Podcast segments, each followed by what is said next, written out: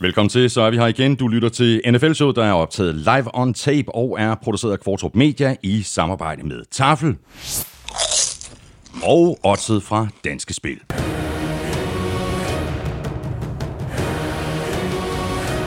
Du kan følge showet på Twitter og på Facebook, og hvis du godt kunne tænke dig at vinde en øh, NFL-rejse til en værdi af 10.000 kroner, så skulle du tage like vores Facebook-side, så har du i hvert fald givet dig selv chancen.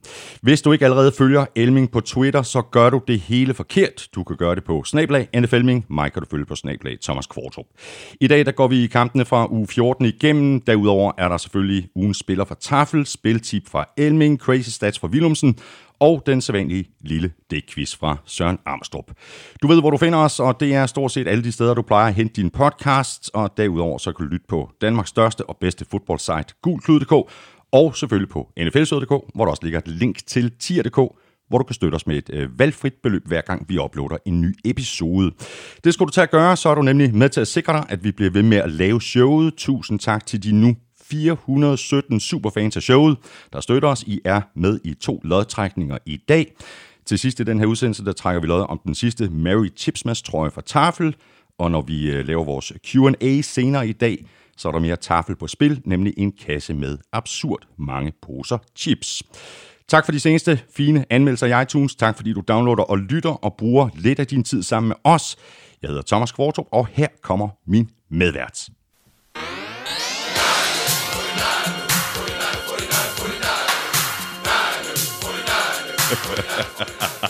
Elvin står og spiller luftguitar! Ja!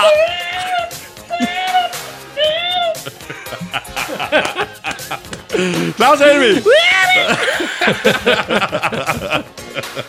det er godt. Den havde jeg ikke set. Den havde jeg ikke set komme. Det er den.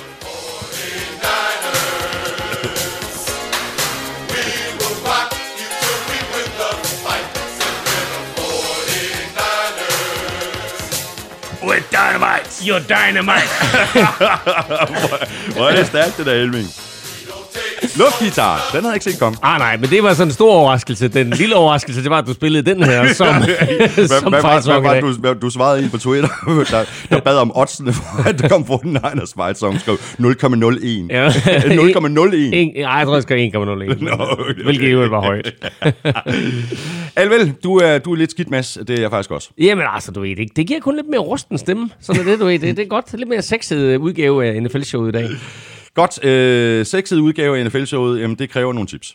Øh, det var hurtigt. Ja. Er, er, er vi allerede i gang med det? Jamen, er vi ikke det? Jo. Jamen, øh, er der noget andet, du gerne vil ind på? Nej, nej, nej, nej, det er dejligt. Vi har rigtig mange ting, vi skal tale om i dag. Og så laver vi jo ekstra udsendelse i dag også. Præcis. Så, øh, Vi har et det- stramt program. Det, det bliver fantastisk. Der er simpelthen så mange ting. Men det er også, men det er også derfor, jeg tænkte, vi skulle ud over stepperne. Og vi er tre kvart faktisk igennem øh, grundspillet, og eller mere end da, og øh, det hele det begynder at spidse til, og det bliver rigtig spændende. Ikke? Altså, Altså, der er tre, tre kampe tilbage, ikke? og det er altså tre super fede uger, vi går ind i her. Helt Ik- vildt, ikke blot er der nogle virkelig, virkelig interessante kampe, nogle meget afgørende kampe, men der er jo også masser at spille om, både med hensyn til seedning, og især om, hvem der skal have de der sidste wildcard-pladser. Der er også altså, øh, divisionstitler på spil, ikke? Og, Ja, der, og der er hold lige nu, og det synes jeg næsten er det mest spændende, der er hold lige nu, som vi har tænkt, de er 100% sikre i slutspillet, som lige pludselig kan gå hen og miste. Ja, ja, præcis. Texans kan gå hen og miste. Ja. Cowboys kan gå hen og miste. Vikings kan gå hen og miste. Seahawks kan gå hen og miste. Altså, det er sådan helt derude, hvor det, hvor det bliver helt crazy de sidste tre uger. Det er helt vildt. Vi løber, det, vi løber det selvfølgelig igennem øh, lige her i begyndelsen af udsendelsen, så kigger vi på begge konferencer. Jeg tager den første pose op, og det kan jo næsten ikke være en bedre start på en onsdag med en chili cheese rings. Det er også godt for halsen, har jeg hørt. Er det det? Ja, ja præcis. Og øh, så går vi i julemode med nogle øh, tafel snackhjerter. Ej, og så chili banæs. Jamen, det er jo en dej, det er jo næsten jul, jo. Ja, det er det. Så, og så her i bunden, sådan der. Nu skal vi være tynde. Linse chips, ranch og sour cream. Er det ikke næsten dem, vi skal have? Det er dem, vi skal ja, have. præcis. God i december.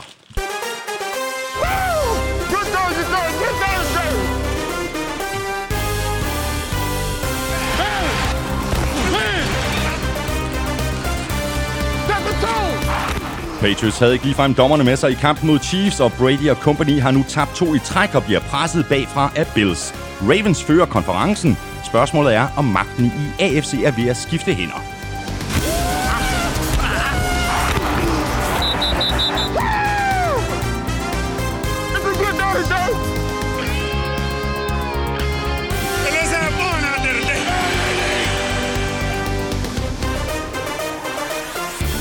Med tre uger tilbage af grundspillet er vi nu for alvor på vej ind i slutspurten om slutspilspladserne. Spændingen er fuldstændig intakt i både AFC og NFC, og vi tager selvfølgelig et kig på, hvem der er inde lige nu, og hvem der stadig kan nå det. Jeg hedder Thomas Kvartrup, og med mig har jeg Claus Elming. Give me one now, folks. Give me one, give me one. Woo! Og Elming, før vi øh, kigger på øh, stillingen i de øh, to konferencer, så, lad os lige lægge ud med den her historie om, at Patriots nu igen igen bliver beskyldt for at snyde. Under øh, kampen mellem øh, Bengals og Browns, der havde Patriots sendt et øh, videohold på tre personer afsted for at lave optagelser til sådan en dokumentar om en af holdets scouts, der var på stadion for at studere Bengals. Og så kom de vist til at filme ned på sidelinjen eller et eller andet Spygate version 2.0. Altså det første, der kommer frem, det er, at der er en Bengals øh, person af en eller anden slags øh, ansat i øh, presseboksen, som ser, at der er en øh, Patriots ansat, som filmer fra presseboksen og ned på sidelinjen, mm. hvilket er imod NFL's regulativer. Og øh, vedkommende henvender sig til nogle øh, officials, og øh, den her øh, Patriots ansat bliver, øh, om ikke anholdt, så i hvert fald øh, øh, lige øh, prikket lidt på skuldrene. Hvad laver du? Hvad, hvad, hvad laver du? Øhm, og øh, så straks så går der beskyldninger i gang fra øh, Bengals side om, at øh, Patriots er i gang med at filme igen, og det er en ny Spygate. Mm. Og øh, for dem, der ikke er inde i Spygate, så for cirka 10 år siden, så filmede øh, Patriots øh, blandt andet Jets sidelinje og aflæste deres øh, håndsignaler dengang, sådan så når de selv skulle møde Jets, jamen, så havde de styr på, når håndsignalerne kom ind, så kunne de ligesom stå og aflure de håndsignaler, og så sende, øh, så sende kommunikationen videre ind til quarterbacken på banen, eller hvad det nu måtte være. Mm. Øhm, så det var den berømte Spygate-sag, og en af de første sager, som, som øh, Patriots jo øh, fik på nakken øh, øh, i efterhånden et væld af sager, hvor folk jo nærmest leder efter et eller andet, mm. og beskylde Patriots for. Og her der kommer der altså endnu en sag op omkring øh, ulovlig filmning, øh, og Patriots er lynhurtigt ud med en melding, der hedder, jamen prøv at høre, vi laver nogle indslag til vores website, så hedder Do Your Job, det er jo deres slogan, Do Your Job. Og øh, udover de spillere på banen, der skal do your job, så skal alle i organisationen gøre deres arbejde. Og det her, det var så et indslag angiveligt omkring en øh, scout, som er ude og, øh, og lave lidt noter mm. og øh, så videre. Øh, lave lidt forarbejde på den kommende uges modstander. Den kommende uges modstander for, for Patriots er Bengals. Og det er selvfølgelig undskyldningen. Men det, der er kommet frem nu her efter, at øh, NFL, øh, som øh, har beslaglagt bånden og så videre, øh, det, der er kommet frem, det er, at der angiveligt er 8 minutters optagelse direkte fra presseboksen ned på Bengals sidelinje. Mm. Og øh, så kan man begynde at vurdere, hvad skal, hvad, hvad, hvorfor skal man optage 8 minutter der? Altså, øh, du har lavet fjernsyn, jeg har lavet fjernsyn, man ved godt, der er noget, der hedder dækbilleder, og det kan være fint nok at have dækbilleder, du vil ligesom til at, at bruge mm. i sådan en sammenhæng. Så på den måde kan Patriots godt have en reel undskyldning. Men 8 minutter i træk, Så er der også, øh, så er der også dækbilleder så, at tage af, ikke? så, er der, så er der nok af dækbilleder at tage af, ikke? Altså, så øh, det er sådan lidt øh, udfordrende. Øh, både den ene vej og den anden vej. Bengals kan godt have en pointe, men, men, men Patriots kan sagtens have ret. Men det, der er sket nu, det er, at Patriots har fået endnu en dum sag på, på hænderne her. Mm. Og øh, Patriots har efterfølgende indrømmet, at de har forbrudt sig mod NFL's regler, fordi de har øh, bedt øh, Cleveland Browns, det blev spillet i Cleveland en kamp her, øh, de har bedt Cleveland Browns om et øh, om pressekort. Det har de fået, og øh, har så ikke hverken sagt til Bengals eller til NFL, at de filmede fra presseboksen. Og det skulle de gøre øh, mm. i, i henhold til NFL's regulativer, og det har de ikke gjort. Og det har de indrømmet, at det har de ikke, øh, altså det, det har de ikke gjort, og det er selvfølgelig et brud på reglerne. Uh, hvorfor har de så ikke gjort det?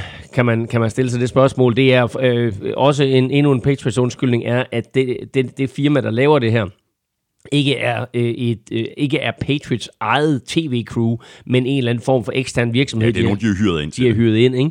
og øh, at de ikke kendte reglerne. Mm. Og øh, hvor den her den ender hen, det må vi lige se. Men sidste gang, at Patriots gjorde det her, der fik de en bøde på 150.000 dollars, hvilket er ligegyldigt, men de fik også frataget et første runde draft pick. Og NFL var ude og melde ud... Øh, Og det er ikke ligegyldigt. det er bestemt ikke ligegyldigt. Øh, NFL var ude og melde ud natten til i dag, øh, at øh, man håber på at få en, øh, en hurtig afgørelse på det her, øh, og også en, øh, en hurtig dom, om man vil. Mm. Øh, og så må vi se, hvad det ender med. Spørgsmål her fra Simon Kofod. Øh, jeg er stor Pats-fan, men hader, at mit hold altid bliver trukket frem som snydere, og nu lader det til at ske igen. Patriots er langt fra de eneste, der har fiflet. Hvorfor er det, at Pats altid bliver trukket frem som snydere, når der er andre hold, der er langt værre? Broncos har dobbelt så mange sager som Pats. Jeg tror, det er misundelse. Øhm, altså, der er da helt sikkert et eller andet misundelse over det. Altså, når man har været så god som Patriots har været i så lang tid, så er det klart, at, at, at, at så leder folk efter øh, undskyldninger for, hvorfor mit hold ikke lige så godt. Jamen, det er fordi Patriots snyder. Mm. Og der er der ingen tvivl om, at alle de her sager, der var oppe at vende, at der er der, der en vis form for misundelse, og, og, og så kan man øh, slå sig selv på ryggen og slå sin, sin øh, fankammerat på ryggen og sige, at de er også nogle svin, de der Patriots-mennesker der. Øh, på den anden side, så kan man så også sige, hvis der er røg, så er der ofte en ildebrand et eller andet sted. Mm, mm. Så på den måde, der, øh, der er der nok noget om sagen i visse tilfælde med Patriots. Blev bolden, blev de tappet for luft? Blev der filmet dengang? Hvad med, hvad med de andre sager, der har været fremme og så videre, ikke? Øh, omgår øh, Patriots-reglerne med lønlofter om, om, omkring Tom Brady's kontrakt. Hvad sker der helt præcist, ikke? Altså, der er mange ting, som, som Patriots har gjort gennem tiderne, men altså, man må også sige, Altså, de har vundet øh, seks Super Bowls ikke? Øh, i, i den her Brady Belichick-æra, og øh, jeg synes ikke, at man kan tage noget fra dem overhovedet. De har taget de der straffe, de nu har fået, hvad enten de var retfærdige eller ikke retfærdige. Øh, andre hold har også modtaget straffe. Vikings har også øh, forbrudt sig mod nogle NFL-regler, har, har, har modtaget deres straffe. Andre hold har, har modtaget deres straffe, ja. og sådan er det. Ja, og mistede de ikke også et øh, første rundevalg på Deflategate? Jeg kan ikke huske det. Patriots? Ja. Jo, det tror jeg. Jeg tror, de opgav det. Øh, Bill, øh, Robert Kraft gik ud og så sagde, prøv at høre, vi vil gerne det overstået, mm. så vi opgiver vores første runde draft pick. De var lidt ligeglade, for det var pick nummer 32, jo, ikke? Så jeg sagde, jeg, jeg, jeg skide være med det. Det er imponerende, at de har været så gode, når man øh, tager i betragtning, at de øh, i hvert fald to gange øh, inden for de seneste 10 år har mistet et første runde. ja, ja, helt sikkert. Ja. Øh, Elming, NFL øh, fylder jo øh, 100 år i år, øh, og det bliver jo fejret på, på alle mulige øh, forskellige måder. Og så blev der også øh, her øh, fredag nat, øh, dansk tid, øh, der blev der valgt et All-Star-hold med 100 spillere, altså de 100 bedste spillere mm. fra de her 100 år. Og der skulle blandt andet vælges øh, to kickere. Morten Andersen var nomineret, men han kom desværre ikke med på det her 100-mands øh, All-Star-hold. NFL gør det på den måde, at de selvfølgelig ikke bare øh, viser de her 100 spillere med det samme. De, de 100 spillere er valgt, men vi får sådan at vide i bidder, hvad det er for nogle spillere, der mm. kommer ind. Øh, og i fredags, der løfter man så sløret for special teamers, og det vil sige kicker, punter, returner. Og øh, der var fire kicker nomineret, og øh, de to, der blev valgt ind, var øh, Jan Stenerud, øh, den norske kickeren, øh, som... Øh, Norske spakkeren. den norske spakkeren. Han sparker øh, mange feltmål. øhm, og øh, han blev valgt ind for, at øh, han jo øh, nok var den første kicker, der sådan rigtig populariserede øh, det liggende bristspark. Øh, det er en, en fyr, der hed Pete Gogolak, som, som opfandt det. Ellers så sparkede de jo med stivtog før. Mm. Øhm, og Pete Gogolak var jo et ungar eller jugoslav eller et eller andet, jeg kan ikke huske det. Øh, så det var sådan europæiske kicker, der kom ind der og, og lidt revolutionerede hele den der øh, kickerbranche. Men øh, Jan Stenerud var den første, der sådan virkelig tog det til nye højder. Mm. Sjov historie med Jan Stenerud. Han kom til USA på et øh, skiløbs scholarship. Ikke? Han skulle over være skiløber, øh, og så øh, endte han så med at sparke for det lokale collegehold der, ikke? Og, og kom så i NFL og vandt Super Bowl 4 med Kansas City Chiefs over Minnesota Vikings. Øh, og, øh, og, og, det, og han var den første rene kicker, der kom i NFL. Der har været andre kicker, øh, som er valgt ind i NFL, men de har så enten været offensive linemen eller quarterbacks eller sådan noget lignende. Ikke? Øhm, så han var den første rene kicker, der kom ind i NFL, og det blev han så valgt ind på 100-årsholdet for, og så blev Adam Vinatieri naturligvis valgt ind på 100-årsholdet øh, sammen med ham. Der skulle kun vælges to kicker, og så blev Morten Andersen øh, sorteret fra sammen med en fyr, der hed Lou Grosser, Og Lou Grosser var, apropos det her med ikke kun at være kicker, så var han også offensive lineman. Men altså, du kan ikke argumentere imod, at Vinatieri kommer ind. Om det lige skulle være Morten Andersen eller Jan Stenerud. Altså Jan Stenerud i historisk sammenhæng måske nok større end Morten Andersen. Men altså Mortens statistikker er bare så meget bedre mm. end, end Jan Stenerud. Det eneste Morten han manglede, det var en Super Bowl. Ja, præcis. Men guldjakken kan de ikke tage fra ham. Det kan de ikke. Nej. Ved du hvad, Elming, så tager vi et uh, kig på slutspilsspillet, selvom vi allerede har uh, 20 startet lidt. Og husk lige uh, alle sammen, uh, nu sidder vi og taler om det her i, i, i NFL-showet, men man kan også gå ind på gulklud.dk, klik ind under NFL-fanen, og så ligger der et øh, fuldt opdateret slutspilsbillede, og det gør der hele tiden. Det bliver opdateret øh, som det nu skal øh, opdateres. Vi lægger ud øh, vanen tro med øh, AFC. Øh, Ravens er sikker på slutspillet. De ligger etter. Patriots er toer. Chiefs er treer, har sikret sig divisionen. Texans er lige nu fire. Og så har vi Bills og Steelers på de to wildcard-pladser, sådan som det tager sig ud lige nu. Der er godt nok pres bagfra. Øh, det er... Øh, altså, du, du nævnte også lige, altså, Texans, Titans, øh, med, med, med den måde Titans de, de spiller på i, øh, i øjeblikket, og de spiller mod hinanden i den kommende spilrunde. Jamen ikke bare spille imod hinanden den kommende spillerunde, de har hinanden i den her spillerunde, og så i sidste spillerunde, så to kampe mod hinanden her i de sidste tre uger. Og øh, da kampprogrammet blev lagt, der tror jeg ikke nødvendigvis, at Texans de tænkte, at de der to kampe mod Titans, de går hen og bliver afgørende. Men øh, jeg skal da love for, at de er blevet afgørende. Begge øh, klubber øh, ligger med 8 og 5, så de er jo helt de er på en del førsteplads. Mm. Houston fører øh, lige nu på grund af, at de har vundet flere kampe ind i divisionen, øh, end, end uh, Titans har. Men altså vinder Titans de to kampe her, så vinder Titans ja. divisionen. Øh, så nemt er det. Så, øh, så alt bliver afgjort der i, i AFC South øh, inden for de sidste tre spiluger her. Og taber øh, Texans de der to kampe, så er der jo stor sandsynlighed for, at de misser slutspillet. Øh, lige nu ligger Steelers på den sidste wildcard-plads med 8-5, men vi kunne også få en situation, der hedder, at Houston og Titans begge to kommer i slutspillet. Øh, lad os sige, de vinder en hver, øh, og derudover vinder den kamp, de har øh, imod øh, respektive modstandere. Øh, så er det de to hold, der ryger i slutspillet med stor sandsynlighed, med mindre øh, Steelers, de selvfølgelig vinder resten af deres kampe. Øh, så der er rigtig, rigtig meget at spille om, og så videre. Jeg, jeg vil prøve at lave et overblik faktisk inde, inde på Gud Klud over omkring, hvad, hvad, hvad, de, hvad sker der, hvis... Hvad, hvad, de, hvad de forskellige scenarier, scenarier ja, ja. er. Lige øhm, og så har vi også en, øh, en spændende stilling i øh, AFC East, ikke? Med jo, jo, for pokker. Patriots og så Bills, der presser på. Øh, kun en enkelt kamp bagefter. Jamen altså, øh, nu England Patriots er 10 og 3, og, og ligger stadigvæk på anden seed, hvilket er, er helt utroligt, men det gør de. De ligger stadigvæk på anden seed. Øh, og Buffalo Bills er 9 og 4, det vil sige en sejr bagefter. Og øh, hvis Bills vinder resten af sine kampe, inklusiv den kamp, de har imod øh, Patriots, så, øh, så går de altså hen og vinder AFC East. Og så lige pludselig, så har vi altså Patriots nede på øh, ja, minimum 5. seed. Mm. Øh, nok næppe 6. seed, det kommer ikke til at ske. Men øh, så ryger det altså uden for top 4 og, og får ikke hjemmebane i slutspillet. Mm. Så vil lige, lige, lige nævne de øh, fem hold, øh, der definitivt er ude øh, af racet i AFC. Det er Chargers, det er Jets, det er Jaguars, det er Dolphins, og det er Bengals. Og det hold, der selvfølgelig er mest overraskende, det er selvfølgelig Chargers. Det har bare ikke været deres år, heller ikke i år. Jamen altså, hvad er det? Er det, er det alle, deres, alle deres nederlag, som vi talte om i sidste uge, er øh, med et touchdown eller mindre, ikke? Mm, mm. Så øh, det er jo marginaler, der gør, at, øh, at de ikke ligger der af, af 9 og 4, ikke? Øh, så det er jo... Endnu øh, kan man jo godt tillade sig at kalde det en katastrofesæson for Chargers, fordi de er uden tvivl det mest talentfulde mandskab, som allerede på nuværende tidspunkt er slået ud af, af playoffs, og uden tvivl det øh, mest talentfulde mandskab, som ikke kommer i slutspillet. Mm. Så hopper vi over i uh, øh, NFC, uh, øh, hvor uh, 49ers er tilbage på uh, første seed. Packers er toer. Kan du sige Saints... det med lidt mindre begejstring? det, prøv, lige, uh, prøv lige forfra. Uh, 49ers, 49ers er, tilbage på første seed. Packers er toer. Saints er uh, treer, har sikret sig divisionen. Cowboys er fire. Og så har vi uh, Seahawks og Vikings på de to uh, wildcard-pladser. Spændingen er mildt sagt ikke mindre i øh, uh, NFC-halvdelen, end den er i øh, AFC. Nej, hvor det, det mest bizarre, det er jo, prøv lige at høre de her uh, stillinger her. Ikke? Altså det her, det er uh, de seks klubber, der lige nu ligger til slutspilspladser og antallet af vundne kampe. San Francisco, 11 vundne kampe. Green Bay, 10 vundne kampe. New Orleans, 10 vundne kampe. Seattle, 10 vundne kampe. Minnesota, 9 vundne kampe.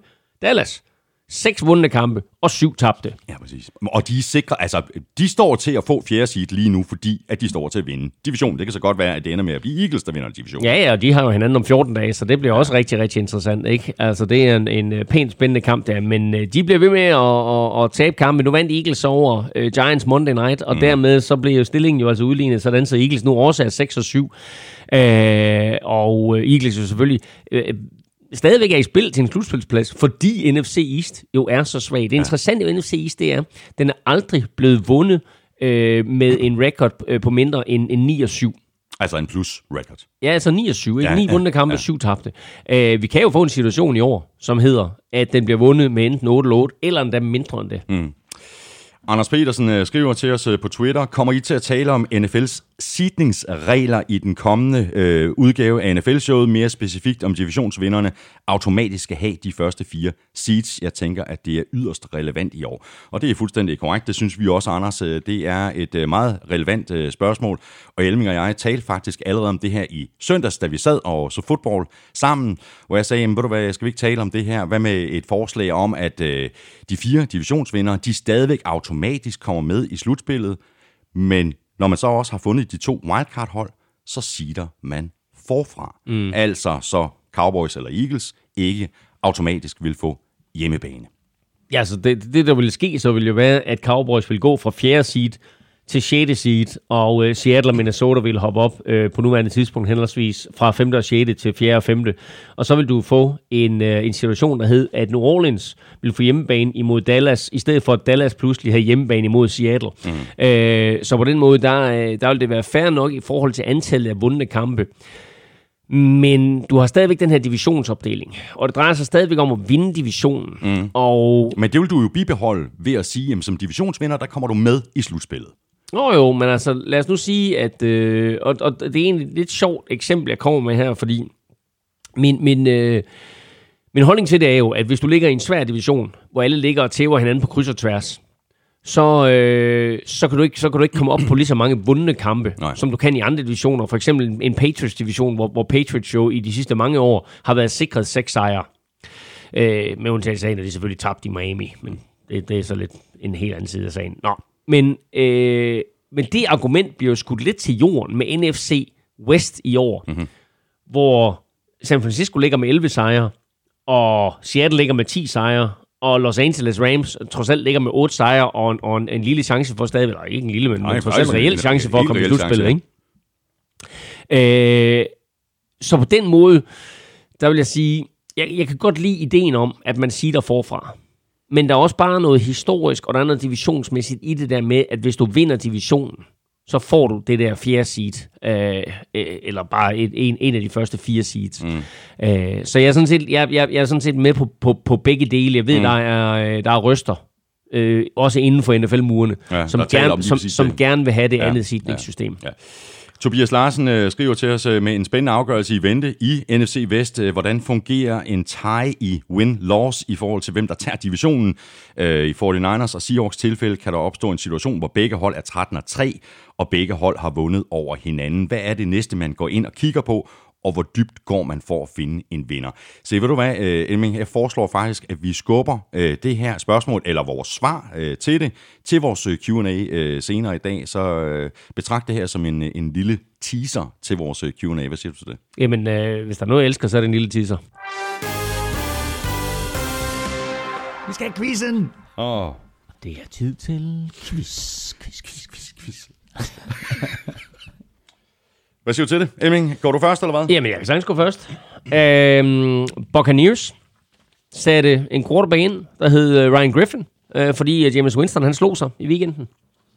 Og øh, med Ryan Griffin på banen, der kom vi øh, op på, øh, ja helt præcis, hvor mange quarterbacks kom vi op på i år. Oh, Hvor der, mange Altså, der har quarterbacks? været ind og spille. Der har været inde at spille. Hvor mange quarterbacks kom vi op på i år, der har været inde at spille? Jeg har lige griflet et, øh, et tal ned. Jeg ved ikke, om det er korrekt, men det er i hvert fald et, øh, det er i hvert fald et forholdsvis højt tal. Ja, Det kan vi godt blive enige om. jeg kan sige, der er en vis logik i tallet. Godt, Ja, fint. okay. Jamen, En jeg siger ikke mere, så siger jeg ikke mere. i tallet. Jamen, jeg siger ikke mere. Jeg siger ikke mere. Nå, men hvis Nå, okay. Ved du, hvad, du får øh, det quizzen fra Armstrong her. ja. Niners og Saints scorede uafbrudt. Brady PT kun med løst krudt. Er Andrew Luck egentlig inde i Drew Luck? Den unge mand giver i hvert fald ikke en fuck.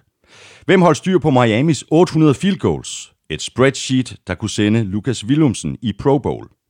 Travis Kelsey suser forbi Antonio Gates på vej op, men hvem er helt på denne listes top? Altså, Travis Kelsey overhalede Gates og er nu på anden pladsen over flest tight end receiving yards i sine første syv sæsoner. Hvem er på førstepladsen med kun 55 yards mere, altså på sine første syv sæsoner? Hold kæft, et langt ude spørgsmål. Så han beder mig om at holde styr på, hvilken tight end, der har flest receiving yards mm-hmm. i sine første syv mm-hmm. sæsoner. Ja. Ja, super. Fedt. Tak. Ikke? Det er Travis Kelsey, det er Antonio Gates, og så skal du nævne en mere. Du skal nævne en. Som har flere end de to. Ah, du kan komme med nogle gode bud, Ja, ikke? ja, selvfølgelig har jeg nogle gode bud, men altså, okay, nå, fair nok.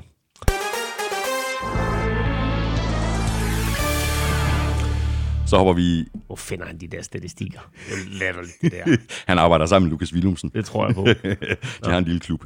Nå, vi hopper i kampen nu. Elming, vi lægger ud med Thursday Night-kampen, som øh, Bears vandt med 31-24 øh, over Cowboys. Øh, skal vi ikke lægge ud med de to helt oplagte vinkler, nemlig at øh, Cowboys skuffede igen igen, og at Mitchell Trubisky rent faktisk spillede en god kamp. Også derfor, vi nominerede ham til ugens spiller. Jamen altså, tænk sig, at øh, Mitchell Trubisky lige pludselig skal nomineres til ugens spiller, men det skal han på baggrund af den her indsats, fordi det her, det var øh, klart hans bedste kamp i år, og øh, klart hans bedste kamp siden han øh, smed de der øh, fem touchdowns imod Buccaneers, eller var det seks, han smed sidste år, øh, hvor vi tænkte, hold da op, nu sker der noget. Mm. Øh, Matt Nagy's angreb kan nogle ting, og Mitchell Trubisky i Matt Nagy's angreb kan nogle ting, og så gik det lidt ned ad bakke, og sådan set været ned ad bakke lige siden. Men øh, på det helt rigtige tidspunkt, så kommer Bears tilbage øh, med lidt i stil, men når vi skal tale Rams, så er det måske øh, lidt for lidt, lidt for sent. Ja. Øh, men øh, han spiller en forrygende kamp her, og i en kamp, der betød meget mere for, for Cowboys. Ej, det passer ikke, ikke betød meget, meget mere for Cowboys. fordi Bears var godt klar over, at hvis de taber den kamp her, så er de helt definitivt mm. ude af slutspillet. Nu er de trods alt stadigvæk med i kampen, fordi de har Packers i den kommende weekend, og de har øh, Vikings i den sidste weekend, så de kan stadigvæk vinde nogle kampe, der reelt set kunne give dem en, øh, en wildcard-plads. Mm. Men Cowboys øh, ligger der på 6 og 6, og vil jo gerne holde afstand til Eagles. Øh, og på, på den måde mener jeg, at de måske nok har mere at spille for en Bears, fordi Bears øh, chance for at komme i slutspillet er minimal. Mm. Og alligevel så går de ind, Cowboys, og bummer den fuldstændig. Og det gør de et, fordi de ikke selv spiller særlig godt, og så fordi Mitchell Trubisky går ud, som sagt, og spiller sin bedste kamp. Mm. Han laver et dårligt kast i den her kamp, og øh, det er et kast, som, øh, som bliver interceptet, som han aldrig nogensinde skal kaste. Det skal så også siges, at, at øh, nu kan jeg simpelthen ikke huske, hvem det, hvem det var, øh, forsvarsspilleren var for Cowboys, der laver den her interception, men han laver øh, nogle af de lækreste fødder, vi har set i NFL hele året. Øh, griber bolden næsten ud over sidelinjen, og når lige at få øh, den, den første fod er inden for sidelinjen, og så den næste fod når han lige nøjagtigt at trække øh, en fabelagtig interception, hvor han efterfølgende, dommerne dømmer den som incomplete, og han løber bare tilbage til hotlen, forsvarsspilleren, og tænker, nej, den var incomplete, jeg nåede det ikke. Mm. Men ved efterfølgende videobilleder omstøder så kendelsen, og han får så sin interception, og så er det klart sådan, hey, så? øh, men... Øh, men det var det eneste dårlige kast, ja. uh, Trubisky sådan reelt lavede. Han har selvfølgelig nogle udfaldhister her, men han kaster tre touchdowns, og så så vi en kvalitet, som vi så meget i, i hans første øh, sæson også, øh, nemlig evnen til at løbe selv. Mm. Der har faktisk et, øh, et spørgsmål ja. her fra Nikolas øh, Lesevski. Var folk for hurtigt til at dømme Mitch Trubisky ude? Når man kigger på hans øh, stats fra øh, hans karriere, er det tydeligt, at han er komfortabel med at løbe bolden en del selv, og det virker som om, at Nagy har fjernet en del af det fra playbooken i denne sæson. Var det klogt? Øh, jamen, jeg tror, øh, der hvor... Altså, man kan sige, der, der er jo to typer løb. Der, der er de designede løb. Øh, der er sådan set tre typer løb. Der er de løb, hvor det er øh, designet til, at det er ham, der skal løbe. Så er der de typer løb, som vi kender som de her read options, hvor man ligesom siger, okay, fint nok, jeg, jeg, jeg kigger på, skal jeg give bolden til en running back, eller skal jeg selv beholde den og løbe bolden? Øh, og så er der der, hvor han simpelthen improviserer. Mm. Og... Øh, han improviserer et par gange her undervejs i den her kamp, som er, øh, som er rigtig, rigtig flot, og som vi har savnet lidt i hans spil. Og så øh, har han et, et touchdown, som er et, øh, det er vel nærmest en read option, hvor han lige laver en finde indvendig, øh, og så løber selv øh, meget, meget tæt på, på, på den yderste mand på forsvaret, men op igennem midten, sådan så han ikke ryger i kambolage med sidelinjen eller noget, øh, og viser jo både øh, god atletisk formåen og også god fart i stængerne. Mm. Så øh, et, øh, et super touchdown af ham, og jo langt fra hans eneste gode løb i den her kamp. Og det er klart, at det er et aspekt, som man skal bruge, man skal benytte sig af, men man også skal passe på, fordi som vi har talt om, det, det skal være meget, det er meget, meget vigtigt, at når du har en spiller som, som, som Trubisky, øh, og andre quarterbacks for en sags skyld, at du beskytter dem, og at de beskytter sig selv. Mm. Øh, nu går det godt i den her kamp, og han spiller uden tvivl sin bedste kamp. Han kaster tre touchdowns og løber den enkelt inden selv, ikke? Altså står for alle, alle uh, Bears fire touchdowns, øh, og derfor så bliver han nomineret til ugens spiller. Mm. Hvad så med den anden del af spørgsmålet? Var folk for hurtigt til at dømme ham ude? Øh, det vil jeg svare dig på, når, øh, når, når vi ligesom får ham at se mere øh, i de sidste tre uger af sæsonen, og så også øh, til næste år, fordi en god kamp for Trubisky Nej, ja øh, betyder ikke, at, at vi lige pludselig skal til at, øh, at, at, at have en ny opfattelse af ham, men det er da klart, at en kamp som det her, kan give ham øh, en masse selvslid. Mm. Henrik Søgaard øh, skriver øh, til os, øh, er jeg helt ude i hampen, når jeg nu kalder Cam Newton som quarterback hos Bears næste sæson? Måske ender Mariota hos Box. Skyd mig ned og fortæl mig, hvorfor jeg tager fejl. Ah, Mariota hos Box kommer ikke til at ske. Jeg har ingen anelse om, hvor Mariota han ender. Øh, jo, han kunne godt ende hos Box, men så bliver det som backup, fordi jeg er ret sikker på, at, at øh, Box de holder fast i James Winston. Øhm, og så kan det godt være, at Box de går ud og drafter en quarterback, men altså Mariota, øh, Mariotas dage lige nu som starter mm. er talte. Han kommer helt sikkert til at fortsætte i ligaen, men det bliver øh, som backup et eller andet sted. Øhm, Cam Newton til Bears har været rygtet i en, i en del tid, faktisk så længe, så der var snak om, at Bears ville trade for ham allerede i indeværende sæson. Øh, det skete ikke, øh, og øh, nu må vi se, fordi der er ingen tvivl om, at, at med den øh, katastrofale afslutning på sæsonen, som Carolina Panthers har haft, der kunne de godt finde på øh, simpelthen bare at starte helt forfra. Mm. Og det betyder selvfølgelig også at sende Cam Newton et eller andet sted hen. Øh, Cam Newton øh, og Mitchell Trubisky har faktisk nogle af de samme kvaliteter. God til at løbe bolden, elendig til at kaste den. Ej, det var overdrivelse, overdrivelse. øh, men... Øh, Ja, kan vi ikke blive enige om, at Cam Newton har været en lille bitte smule bedre til at kaste bolden? Lille, lille bitte smule. Lille bitte smule. Nej, øh, det var selvfølgelig fis, men øh, fis og ballade, ikke her. Nå, øh, hvad hedder det? Øh, hvis Trubisky spiller, som han gør her, så er der ingen grund til, at Bears henter Cam Newton ind. Men hvis det her det bare var sådan en one-off, mm. så er det klart, at så er Cam Newton en forbedring. Mm. Lad os bare lige runde uh, Cowboys uh, super kort uh, elming, fordi hvad er problemet i Dallas? Altså, vi havde dem som uh, en af favoritterne uh, sammen med Eagles i, mm. i, i divisionen, og det ser da ud til at være faldet fuldstændig fra hinanden. Jamen prøv at tænke på, ikke, at de var, de var 3-0. De var 3-0, og siden dengang, ikke, der har de vundet 3 ud af 10 kampe. Ikke? De har vundet 3 ud af de sidste 10 kampe. Mm. Det, er altså, det er altså crazy nok. Og, og de fører stadigvæk divisionen. Og de fører stadigvæk divisionen, hvilket er endnu mere crazy. Ja. Øhm, en af de ting, jeg synes, der er gået galt, det er, at øh, de på en eller anden måde glemmer Ezekiel Elliott. Og det er jo vanvittigt, at, at, at, at vi kan sidde her og, og vurdere det, og, øh, og vi er jo langt, langt fra de eneste, øh, fordi trænerstaben selvfølgelig har en eller anden form for fornemmelse af, hvad er det, der skal til for at vinde fodboldkampe. Men når Ezekiel Elliott for femte kamp i træk ikke har over 100 yards, og du giver ham 50 millioner dollars inden sæsonen, så er din prioritering forkert. Mm. Du skal blive ved med at give ham bolden, og du skal tro på, at den offensive linje, som du har skudt så mange draft picks og så mange penge i os, at, den, den, at dens force er at blive ved med at dominere i løbet af 60 minutter i en kamp. Ikke? Det kan godt være, at du i første kvartal ikke får så mange yards, og du i anden kvartal ikke får så mange yards, men når så tredje kvartal begynder at lagt mod enden, og fjerde kvartal kommer, så kan du tro lige pludselig, du ved, så giver alle de løb, så giver de øh, 6 yards i stedet for 2 yards. Så Ezekiel Elliott skal have bolden meget mere, og han skal have den meget mere konsekvent i løbet af en kamp, og så synes jeg også, at de skal benytte ham mere i kastangrebet. Vi har set ham igennem de her år, han nu har været i ligaen, gribe nogle enkelte bolde, som han, han tager til store plays, og når screenen er sat godt op til ham, så er hans fart jo faktisk overraskende Øh, hans acceleration er overraskende. Man, man bliver sådan lidt forbløffet over, hvor hurtig han er. Det ser ud som om, de andre de er sådan lidt på hæ- altså forsvarsspillerne sådan lidt er på hælene, men det er jo fordi, han er så hurtig, som han er. Men vi har bare set det alt for lidt i år med Ezekiel Elliott. Så altså mit råd til Jason Garrett øh, her i hans øh, sidste tre kampe som Cowboys-træner, det er, benytte Ezekiel Elliott noget mere, og så kommer du i slutspillet. Men Jason Garrett, han er i ligaen et eller andet sted. Til næste år. Ikke til næste år. Godt, Cowboys de er 6 og 7. De spiller hjemme mod Rams. Bears er 7 og 6, og de spiller ud mod Packers. Og så videre til øh, Browns forventede øh, sejr over Bengals. Bengals bed godt fra sig, men Browns kunne altså gå for banen med en sejr på øh, 27-19, og det gjorde de ikke mindst på øh, baggrund af løbespillet med Nick Chubb og Kareem Hunt. Øhm, og det, det er jo ellers noget, som øh, fans af Browns har kritiseret Freddie Kitchens for, for simpelthen ikke at, at, at løbe bolden nok og ikke at fordele, øh, for, for, altså for, fordelingen mellem kast og løb har simpelthen ikke været god nok. Jamen det var den da heller ikke i den her kamp, fordi i første halvleg, der løber de nærmest ikke bolden. Præcis, det og, det halvleg. og det betyder, at de, øh, de faktisk, øh, altså de kunne have tabt den her kamp i første halvleg. Mm. Hvis Bengals havde været skarpere, øh, når de var inden for red zone, så, øh, så, så kunne Browns rent faktisk have tabt den her kamp i første halvleg. Jeg ved ikke helt, hvem det er, der kommer ned og prikker øh, Freddie Kitchens på skulderen i pausen lige og siger, hey dude, øh, hvad hedder det, du, du har en running back, der hedder Nick Chubb, og du har faktisk også en fyr, der hedder Kareem Hunt. De er ret gode. Løb, løb bolden lidt mere, de er ret gode, ikke? Mm. Og så i anden halvleg, der løber, der løber øh, de, jeg tror faktisk, Chubb har over 100 yards i anden halvleg. Øh, så altså en, en, en, en stor kamp for ham, da han først begynder at løbe bolden.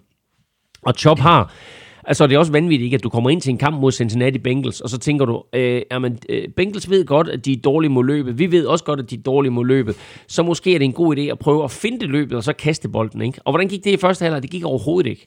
Og så går du ud, og så giver du chop bolden i anden halvleg. Og hvad sker der, da du giver chop bolden i anden halvleg? Han holder et gennemsnit på 7,1 yard per gang, han rører bolden.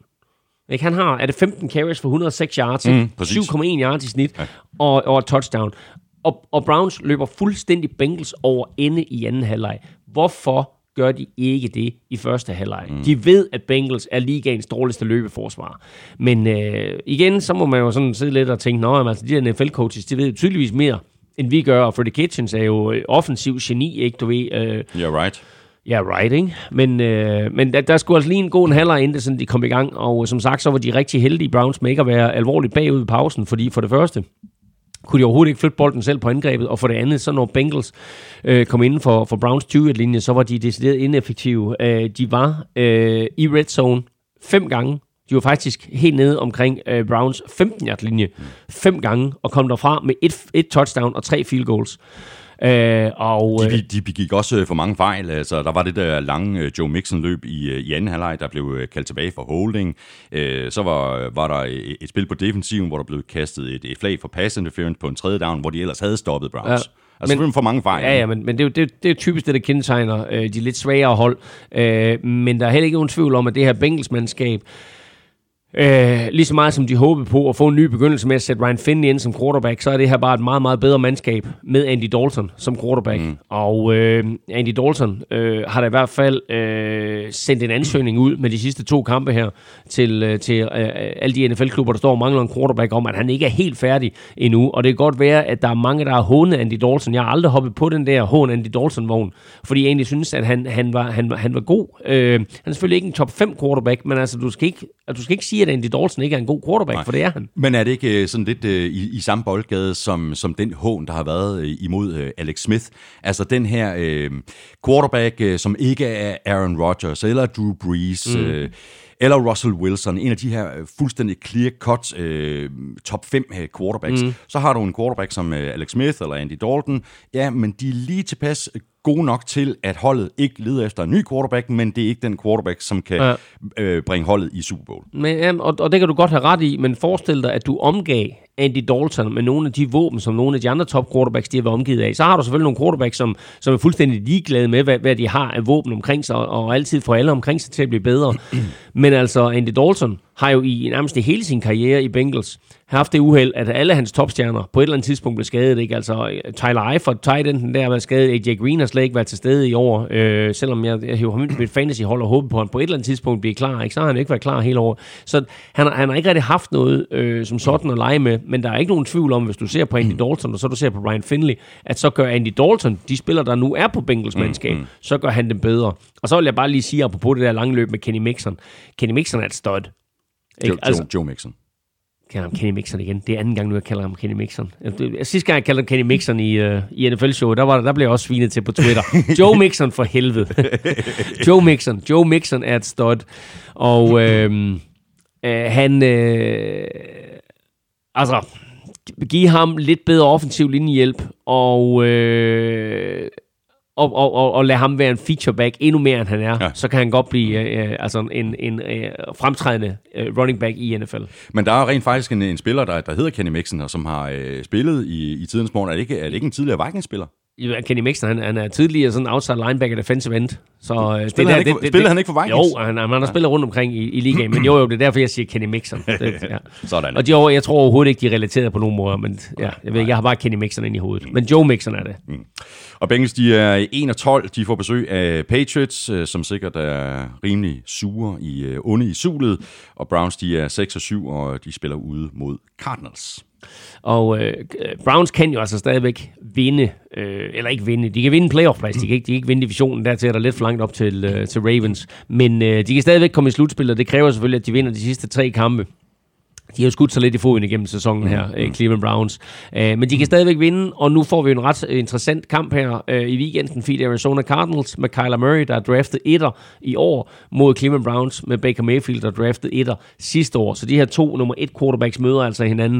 Uh, Browns er favoritter på udebane til odds 71, Og det synes jeg faktisk, at øh, man skulle gå ind og spille. Øh, Cardinals stiller i øjeblikket op med øh, øh, Chandler Jones, og så ikke ret meget andet på forsvaret. Ja. Så øh, det, er, det, det er en kamp, som, som Browns skal vinde, og er en, en, en øh, kamp, som Browns bør vinde, og det giver altså over til 71.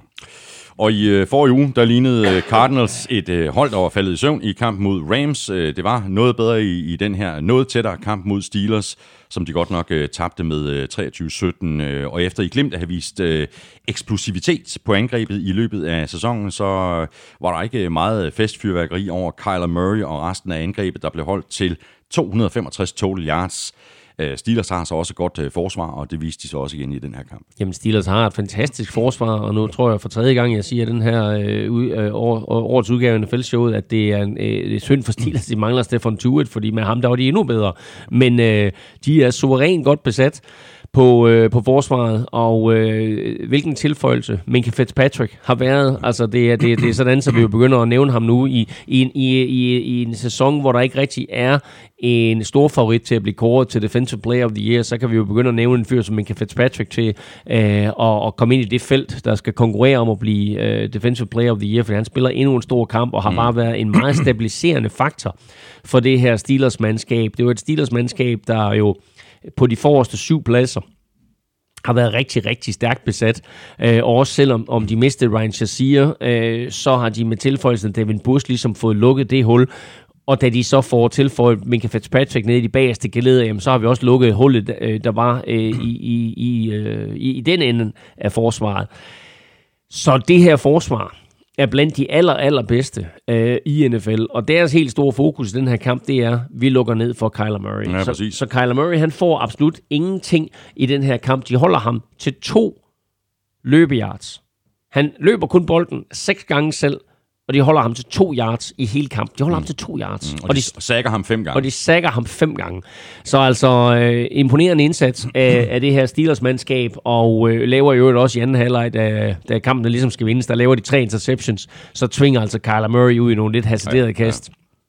Det sidste er selvfølgelig sådan en, en, en slags mini Hail Mary, som, som øh, altså Hail Mary går nok ind i midten af banen, men altså den, den bliver trods alt interceptet, så altså to plus den, men det er bare et, et et forsvar, som er så væsentligt for Steelers nu her, hvor det sådan, at de jo også de, de ligger lige nu til en plads i slutspillet, og, og skal jo holde fast i den plads i de mm. sidste tre mm. kampe. Og så har de jo fået... Ja, ja og hvis de, de kommer i, i slutspillet af Steelers, så er det her forsvar et hold... Der er ikke nogen hold, der har lyst til at spille mod det her forsvar. Det har ellers været sådan en shaky sæson for ja. Steelers, ikke? Ja. Jamen, det har men, været... men forsvaret fejler ingenting. Nej, og, og det, der så er sket, det er jo, at, at de jo nok har fundet deres quarterback, fordi øh, efter de starter øh, 0-3, ikke, så er de altså 8-2 i de sidste 10 kampe. Mm. De er 8-2 i de sidste 10 kampe. Og det er de på trods af Mason Rudolph.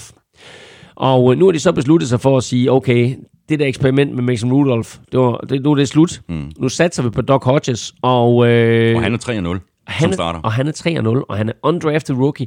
Og uh, her der spiller han altså som undrafted rookie imod Kyler Murray, drafted etter. Mm, mm. Og, øh, og det hele ender altså med, at, at, at han trækker det længste stå, strå, Doc Hodges. Ikke? Uh, han misser i den her kamp tre kast. Mm. Ikke? Han er 16, 16, 19. 16 ud af 19. Uh, han kaster to touchdowns, han kaster ikke nogen interceptions, så derudover så løber han også 35 yards. Uh, og i det hele taget, så virker han. Han virker meget mere. Det, det, det, det er en sjov samling, det her.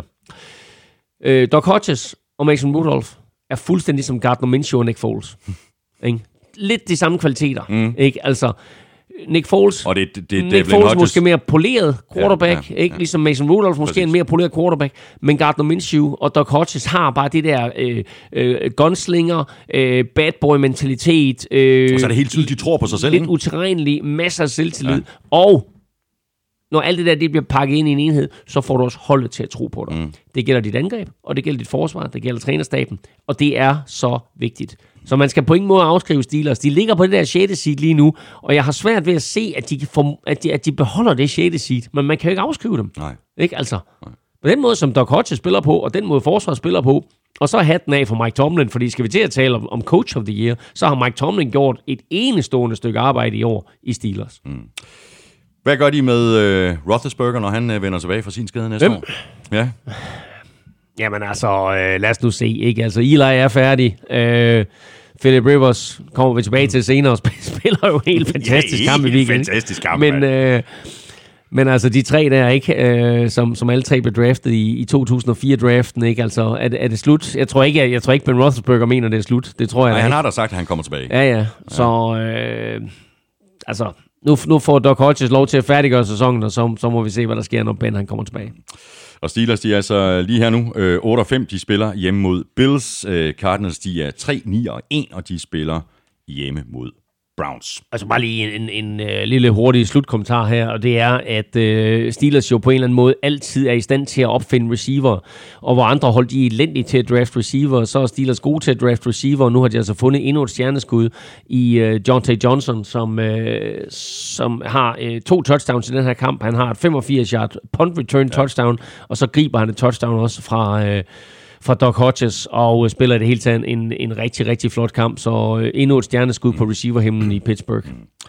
Og så lykkedes det øh, for Buccaneers, ikke mindst med et godt fjerde kvartal, at nappe sejren ud af hænderne på Colts. Box vandt med 38-35, og det her det var i sandhed en klassisk James Winston-kamp. Fire touchdown i luften, et på jorden, og så lige tre interceptions. Han kastede den første interception på det allerførste kast, så blev han øh, småskadet, øh, han kom ind igen, og så sluttede han af med at have kastet for 456 yards, inklusive det afgørende 12-yard øh, touchdown-kast til Brashard Perryman.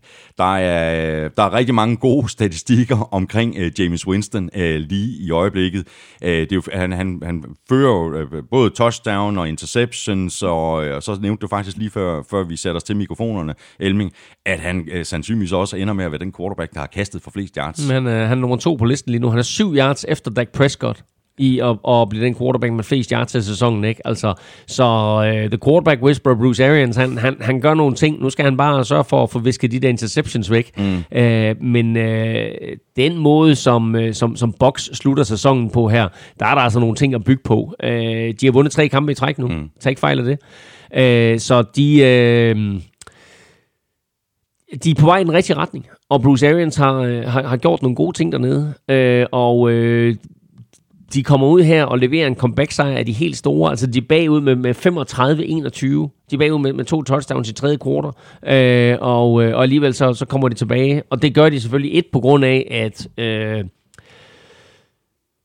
at James Winston øh, leverer en, en, en fremragende indsats efter, at han ligesom har smidt de der tre interceptions, så, så tænker han, Nå, nu, nu, nu skruer jeg lige, øh, altså fra at, fra at jeg er Vinny Testaverde, så bliver jeg lige Joe Montana i stedet for, ikke? Og, øh, og, og fører sit hold tilbage. Og så øh, må vi også bare sige, at det her forsvar her øh, fra, fra Buccaneers har lidt de samme tendenser. Det er et forsvar, der kan være helt væk, og så er det et forsvar, der virkelig kan skrue bissen på. Mm. Så i, i de sidste, efter de bagud 35-21, der hedder de sidste fire angrebsserier for øh, Colts, der hedder de punt, fumble, misse field goal, mm. Og så løber de tør for downs på den sidste angrebsserie.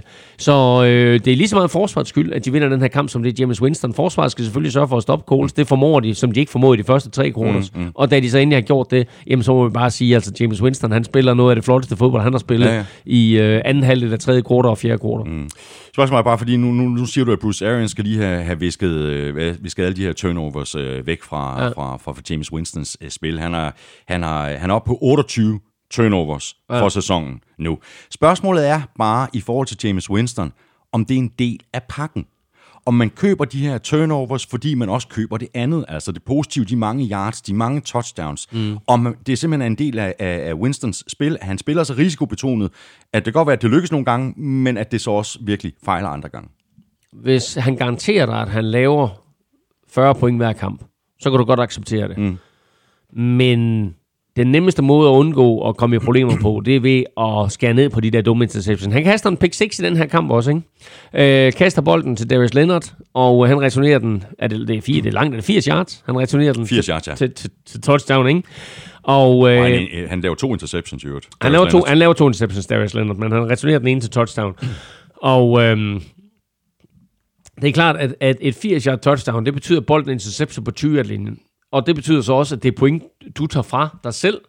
Ikke? Minimum 3 point, mm. og giver modstanderne et touchdown. Det vil sige, det er, det er en, en forskel på 10 point lige der. Øh, så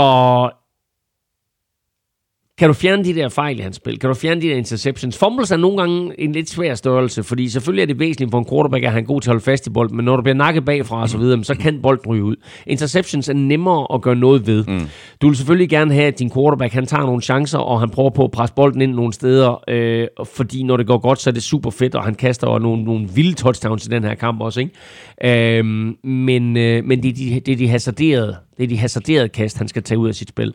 Og det må Bruce Arians så finde ud af, hvordan han gør, om der er nogle, øh, om der er nogle plays, der skal pilles ud, eller der er nogle situationer, hvor, hvor James Winston skal, skal have at vide, det er bedre her, at du enten kaster incomplete, eller at du tager benene på nakken, eller gør et eller andet. Du skal ikke forsøge det der kast. Nej. Nu har Coles øh, tabt, øh, de, de har tabt tre træk, øh, de har tabt fem af deres seneste seks kampe. Øh, det var vel nærmest den, den sæson, altså, og det er jo også en sæson, der har været, været præget af mange skader, og det hele det begyndte selvfølgelig med, med Andrew Luck. Ja, øh, ja, selvfølgelig startede med Andrew Luck, men altså, de havde jo sådan set en fin backup i Jacob Brissett, og vi har rost Jacob Brissett øh, langt hen ad vejen, men øh, skader på angrebet har også gjort, at, at det har været svært for Jacob Brissett. Det er ikke nemt for ham, øh, når han har spillet halvdelen af sæsonen uden T.Y. Hilton. Nej. Øhm, og så øh, må vi sige, at, at når de formår at formøble en føring på 14 point, når de laver 35 point i de første tre quarters, ikke? Jamen, altså, så er der jo nogle ting, der fungerer. Øh, et af de touchdowns kommer selvfølgelig fra forsvaret, men altså, så har du som angreb stadigvæk scoret 28 point.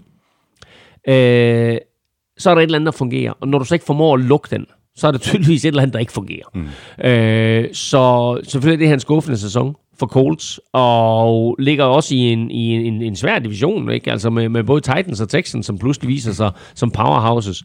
Øh, men, øh, men jeg tror, at da vi var halvvejs igennem sæsonen, der øh, tror jeg, at vi alle sammen forventede, at Colts ville få et wildcard, måske endda vinde ja. øh, AFC South, ikke? Jo. Jamen, jeg havde jo øh, Colts, øh, altså, jeg, jeg, jeg troede Colts ville vinde divisionen, da vi, øh, da vi skød på, på, på øh, divisionerne i, i en af vores øh, optagsudsendelser, og, jeg, og, og det, jeg, jeg skød også på det, efter at Andrew Luck, mm. han, øh, ja. han, han var væk, ikke? Øh, Anders Erbo øh, linker til et tweet fra Adam Schefter, som øh, øh, meldte ud, at øh, Adam Vinatieri, han er ude for sæsonen, han er skadet, og øh, Anders Erbo øh, spørger så, var det karrieren, der sluttede der? Han har også været ude melde ud. Adam Vinatieri, han kommer tilbage, så øh, nu må vi se, om, om, om det er karrieren. Men øh, den måde, han har spillet på i år, Øh, og så må man sige, at han har selvfølgelig været pladet af den her skade her. Nu har de så lukket ham ned for sæsonen. Mm. Men, øh, men han har brændt for mange spark i år. Jeg tror, det er 16 spark, han har brændt øh, alt i alt øh, i år, Vinatieri. Og det er simpelthen for mange. Så øh, jeg kunne godt forestille mig, at, at øh, de lukker ham ned for sæsonen. Mm. Eller ikke bare for sæsonen, men, men, men for karrieren. Ja. Box, de er... Sidste ting. Har du en ting? Ja, bare, nej, bare lige sidste, og det er Mike Evans griber et 61-yard touchdown oh, for, har... for James Winston i den her kamp, men bliver skadet på det play, får en uh, fibersprængning i baglåret, og du kunne se det. Uh, du ved, det er ligesom, du ved, at man, man får skudt en pil i baglåret, ja. og uh, du kunne se, at han var færdig. Og, uh, og jeg læste her til morgen, han sandsynligvis er ude for resten af sæsonen. Jamen det er han. Han, ja. han kommer ikke tilbage, altså. Tro mig. Jeg har set den type skade før, han kommer ikke tilbage. Nej. Buccaneers, de er 6 7. De skal til øh, Detroit og spille mod øh, Lions. Colts, de øh, er også 6 7, og de spiller ud mod Saints Monday Night. Og så fik vi noget af en overraskelse med Broncos sejr på 38-24 over Texans på udebane. Broncos var foran med 31-3 ved pausen øh, og 38-3 tidligt i tredje kvartal. Øh, fem angrebsserier i første halvleg, 31 point. Det er giftigt lige pludselig. Ja, nu nævnte du tidligere, at vi sad og så fodbold sammen i søndags. Det er jo ikke så tit, det sker jo. Øh, jeg tror, var det første eller anden gang i år? Anden gang i anden år. Anden gang i år, ikke? Og, øh, og altså, du, jeg sad jo lidt og fulgte med på resultater. Jeg sad bare og læste højt før en gang imellem. Nu, nu, nu, nu fører Broncos 31-3, ikke? Du, nu står det 38-3. Vi var sådan lidt, yeah, what, what the fuck? What? Hvad sker der? øh, så helt crazy, men altså, jeg skal da love for, at øh, i al den her tid, og nærmest i al den tid, vi har lavet NFL-show, der har... Øh, der har Broncos ledt efter en quarterback, mm. og øh, ham har de måske fundet nu. I, i, form, i form af Drew Lock. Ja. Øh, han gik ud, og så var han øh, meget, meget uimponeret over det her Texans-mandskab, som øh, blot halvanden uge tidligere, øh, ja, eller en uge tidligere var det jo, øh, holdt øh, Tom Brady og Patriots øh, fra at score i, i tre quarters, tre og en halv quarter, og, øh, og nu her, der, der går han så ud, og så kaster han bare bolden øh, op og ned af banen, som, som han har lyst til, plus 300 yards, og tre touchdowns, og en øh, meget, meget fin duo, som Broncos pludselig har fået sig i Drew Lock og så rookie tight Noah Fant. Mm. Øh, de drafter Noah Fant i første runde, og drafter Drew Lock i anden runde. Og øh, hvor mange jo havde troet, at Drew Lock han skulle draftes i første runde, så får de ham altså på pick 10 i, øh, i anden runde. Og øh, den duo, kan godt gå hen og blive rigtig, rigtig giftig, fordi altså med Corden Sutton på receiver, og så Noah Fant der på, øh, på tight end, og så hvis, hvis det her det ikke bare var en one-off for, øh, for uh, Drew Lock, men at han rent faktisk har de kvaliteter, som han viste til dels i sin første kamp i sidste uge, og så i den her kamp, altså så, uh, så har Broncos fundet øh, fremtidens quarterback, mm. og, øh, og har noget rigtig, rigtig spændende på angrebet, også med en Philip Lindsay på running back og så videre. Så. Ja, og så med en, en offensiv koordinator, Rich øh, Scancarello, øh, og man kan jo ligesom godt øh, se det på nogle af de spil, der blev designet. Altså, det var det ene spil efter det andet, især i første halvleg, hvor receiverne var piv åbne altså som i piv åbne.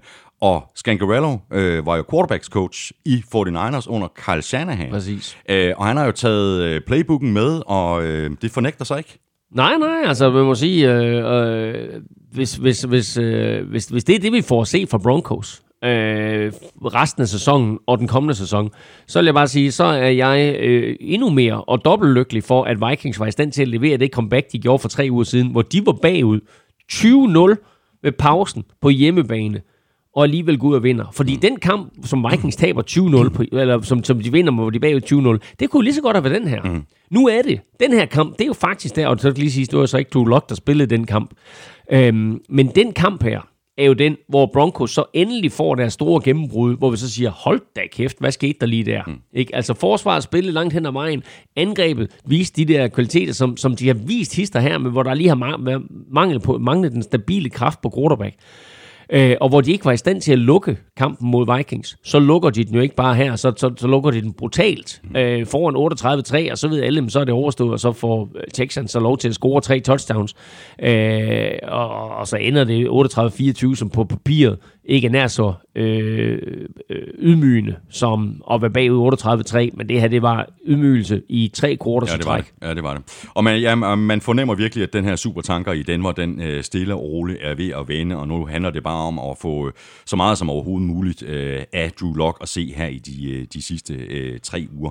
Øh, hvad i alverden går der galt for Texans her? Altså, vi har talt om det tidligere øh, på angrebet. Hvis Will Fuller ikke er med, ja. jamen så er de ikke lige så gode. Nej, og det, og det var det var helt tydeligt. Han var meldt ud igen. Altså Will Fuller, han, han spiller en eller to kampe, og så bliver han skadet. Og det er, øh, det er hans helt store problem, og til dels også Texans problem, at det er, at han ikke kan holde sig skadesfri. Mm. Og det er synd. Det er synd for ham, og det er synd for Texans, fordi med ham på banen, der er det et helt andet hold. Og øh, uden ham, der bliver de altså en lille bitte smule ineffektive. Mm. Og tage betragtning af, at de jo mere eller mindre kørt Patriots over, både offensivt og defensivt, ugen inden, samme sted, samme stadion. Og de så kommer, kommer ud til den her kamp fuldstændig flade, og, øh, og det, i stedet for, at det er dem, der kører nogen over, så er det en, en rookie quarterback, der kører dem over. Altså, så, så er det sådan lidt, altså, hvad skete der der? Var det, var det sådan lidt, lidt, lidt, lidt, lidt tømmermænd oven på den her fantastiske sejr over Patriots? Mm. Eller var det bare et spørgsmål om, at nu var tiden moden for, for Broncos og for Drew Lock til at vise sig frem?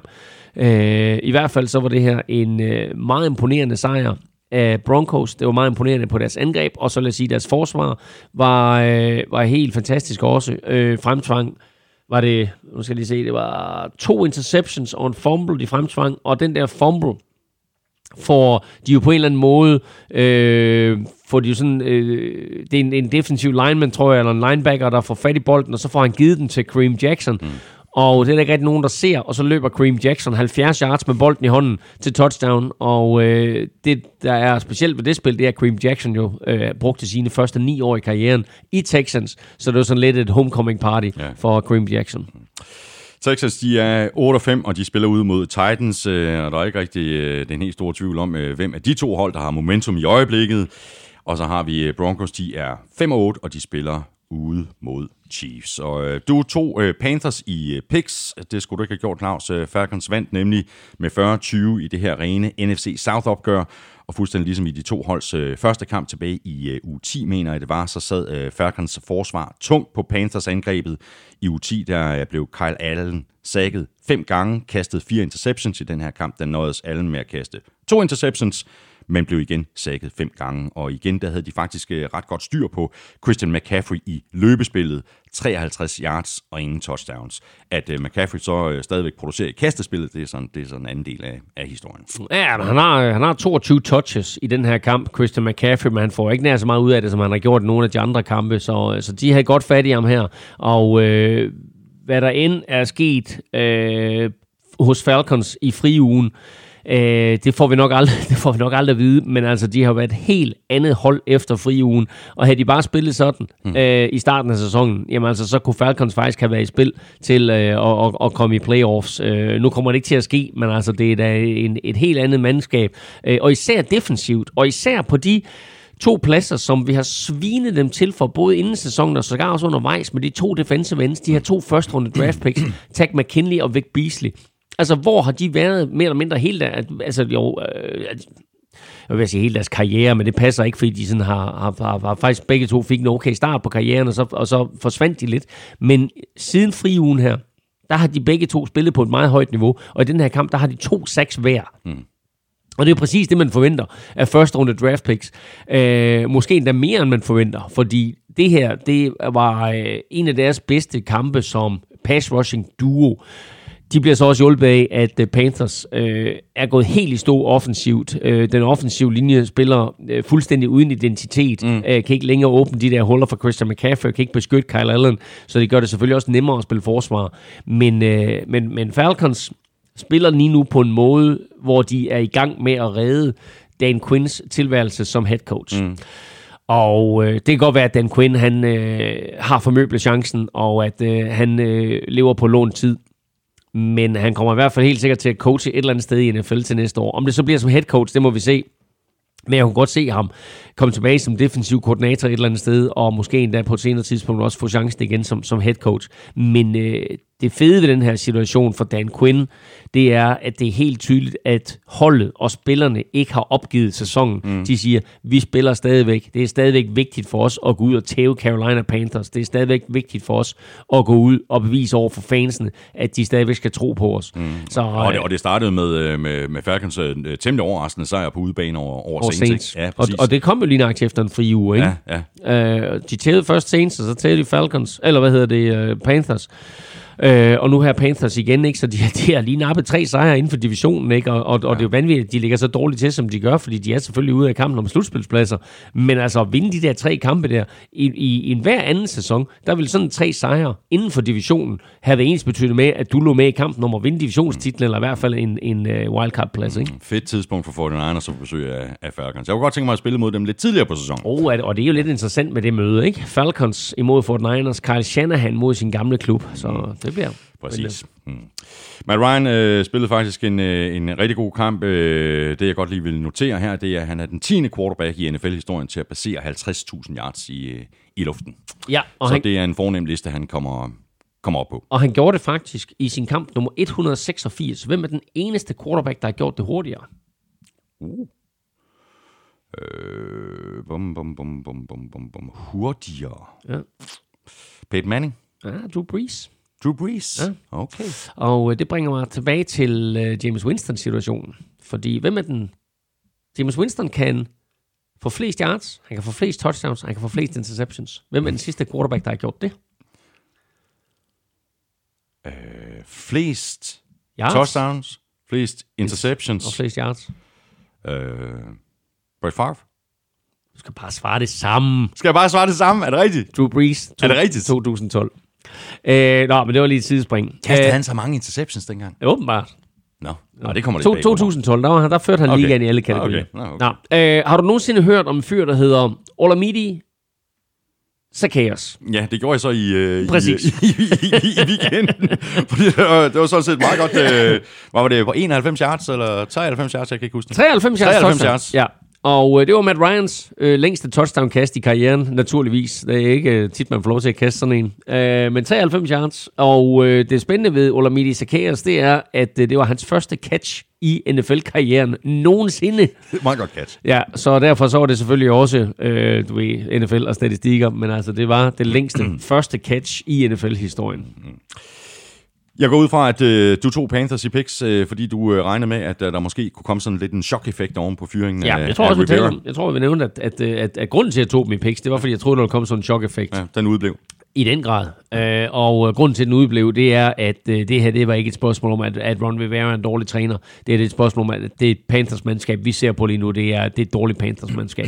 Så øh, en, en, skuffende, en skuffende sæson for Panthers, som hvis du kigger på spillerne, så er de egentlig, øh, altså burde der jo være talent nok på det mandskab her. Men altså, øh, de mister Thomas Davis inden sæsonen, og de mister Cameron Short i løbet af sæsonen.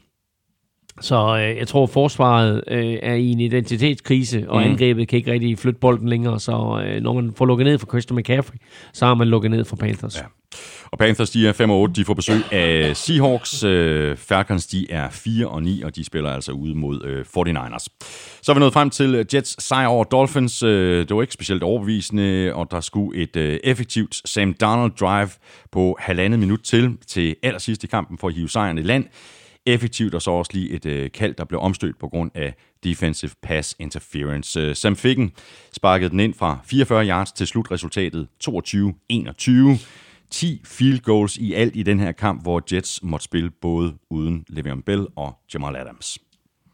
Jeg er lidt overraskende at se, at, øh, at de var uden Le'Veon Bell og, øh, og Jamal Adams. Øh, Jamal Adams øh, skadet, Le'Veon Bell syg. Øh, det kommer vi tilbage til. Og øh, så må vi sige, at, øh, at Dolphins jo øh, har en meget alsi- al- alsidig spiller øh, i deres øh, kicker, øh, Jason Sanders. Fordi i sidste uge, der så vi ham gribe touchdown. Og i den her uge, der sparker han syv field goals fra henholdsvis 22, 25, 28, 31, 53, 47 og 37. Men han missede Misser lige en. også et enkelt fra 34 yards. Ja. Og han skulle have sparket den der ind fra 34, fordi havde han gjort det, så har de vundet kampen. Nu i stedet for, så giver de faktisk Jets muligheden for at komme tilbage, og øh, et, et, et ret ineffektivt Jets-mandskab kommer tilbage på de sidste to angrebsserier. Der er Sam Darnold helt forrygende. Øh, rammer på øh, 80% af sin kast på de to sidste angrebsserier, mm. og fører dem til, jeg tror det er touchdown og field goal, eller også er det to field goals. Men i hvert fald scoring på de to sidste angrebsserier. Og, øh, og, øh, og det betyder, at Jets de trækker sig sejrsrigt ud af den her kamp. Og så nævnte du lige også, at de får den her pass interference Ja. straf med sig. Præcis. Og øh, var den der, var den der ikke. Øh, det er i hvert fald en, en kendelse, som bliver omstødt, og det interessante ved det, det er, at øh, New York-kontoret i NFL, som står for alle de her gennemkigger-situationer osv., er pludselig begyndt at tage en anden linje. De tager en, en, I starten af sæsonen, jamen der var det altså øh, 95% af alle ting, der blev kigget igennem, det blev ikke omstødt. Og nu her er der begyndt at blive omstødt flere og flere kendelser, enten den ene vej eller den anden vej. Mm. Men de begynder at finde den linje, som de gerne vil have i slutspillet. Og øh, jeg ved ikke, om, om det er noget, der vil aftalt på forhånd, at øh, nu lader vi det bare køre her til at starte med, at der skal ikke rigtig ske noget. Og når vi så nærmer os slutspillet, så begynder vi at lægge en linje, som øh, er mere håndgribelig og måske mere reel, fordi mm. jeg synes, at der har været nogle, nogle, nogle helt brutale fejlkald i starten af sæsonen. Øh, Kunne det ikke være en fed idé, øh, bare at lægge linjen fra starten om, at øh, Jamen, når, vi, når vi kigger situationerne igennem, så går vi efter at lave det rigtige kald? Jo, jamen selvfølgelig kunne det da det. Altså det, det, det havde været det, det allermest logiske. Men Ja, altså, øh, der er jo ikke nogen, der, der, der er tit er der ikke nogen, der forstår, hvad det hele er præ- præcis, der foregår Nej. På NFL's hovedkontor. Men altså, øh, nu her øh, ser vi faktisk nogle kendelser, der bliver omstødt. Og øh, Jets er selvfølgelig glade, det giver dem en sejr. Bri- Brian Flores fra øh, Dolphins er jo ej og øh, skælder og smelter, og jeg kan jo principielt godt forstå ham, fordi man kunne sagtens argumentere for både det ene og det andet i den her situation. Men øh, det viser også bare, at det er vigtigt for Brian Flores at vinde kampe, mm. og at de sådan set er skide ligeglade med, med, hvor højt et draft pick de får, eller hvor lavt et draft pick de får, fordi øh, vi og alle andre har jo beskyldt dem for at smide den her sæson på porten, og bare sige, hey, nu taber vi bare alle kampene, og så vælger vi den quarterback, vi gerne vil have. Men øh, Brian Flores er gået ind, og så har han... Øh, så har han formået, på trods af alle de her spillere, som, som, som, som de har sendt væk, enten det er spillere, der har ønsket at, at komme væk, eller nogle spillere, som man har traded bort, eller simpelthen bare kottet, eller hvad man har gjort, mm. så, har, så har Brian Flores gjort et fantastisk stykke arbejde med dem, der er tilbage, øh, og fortalt dem, prøv at høre, I er gode nok til at være i den her liga, der er en grund til, at I spiller i NFL, øh, og nu skal vi gå ud og vinde nogle kampe sammen. Og det, det har de unge spillere, det er de købt ind på. Mm. Øh, og øh, jeg glæder mig til at se, hvad Brian Flores han kan få ud af sin sæson 2 i Miami. Øh, fordi, Og øh, sæson 3, fordi nu kommer alle Ja, de her ja, høje draft ja, ja. picks, ikke? Fordi, og, men, og det virker jo fu- fuldstændig, som du siger, det virker lige præcis som om, at Brian, øh, Brian Flores har fået banket en eller anden øh, holdånd og en gejst og fightervilje og alt sådan noget på et ungt hold, Mm. Ja, ja. som bliver endnu yngre nu med, med, med alle de her draft picks. Ja, ja. Så, øh, så det er på plads, Ja. ikke? Han, har, han, han, han valgte at køre med den rutinerede quarterback, fordi han havde behov for noget, en, en, en stabil kraft derinde, og så har han omgivet ham med en masse unge spillere. Mm. Og øh, så øh, tror jeg også, at, øh, at det er godt med en, øh, med en Fitzpatrick derinde, fordi der bliver uddelt nogle tæv øh, i, i sådan en, en NFL-sæson. Mm. Og en ung quarterback, der måske ikke læser spillet helt så hurtigt som Ryan Fitzpatrick, og som måske varmer bolden lidt for meget, han kunne få en masse tæv. Og øh, Ryan Fitzpatrick, et, han tager færre tæv, end en ung quarterback vil gøre, og to, hvis han tager tæv, så gør det ikke helt så meget. Du ved, fint nok, så kan vi godt skille os af med ham. Så øh, Ryan Fitzpatrick, han får en høj løn for at stå derinde og være boksebold. Mm. Og det var så også, altså man kan se, at uh, Brian, Brian Flores, han går efter, uh, efter at vinde kampe. Det gør Adam Gase så også, og, og det, var en, det var en god sejr for ham over sit gamle hold. Det missede jo uh, tilbage i november, da de spillede mod hinanden, og det har ikke været så godt for Gase at tabe to gange til, til, uh, til Dolphins. Nej, nej, er nok ikke. Så altså, det her, det var, det var, det var vigtigt for Gaze. Og, øh, men der, altså, der er bare sket nogle ting med det her Jets-mandskab, efter at, at, at Sam Darnold er kommet tilbage, og så har det været sådan lidt on-off og så videre. Ikke? Men øh, som jeg skrev i mit momentometer den her uge, i de sidste seks uger, sidste seks spiluger, der har Jets vundet flere kampe end Patriots. Ikke? De har vundet fire, Patriots har vundet tre. Havde du en pointe mere omkring uh, Le'Veon Bell?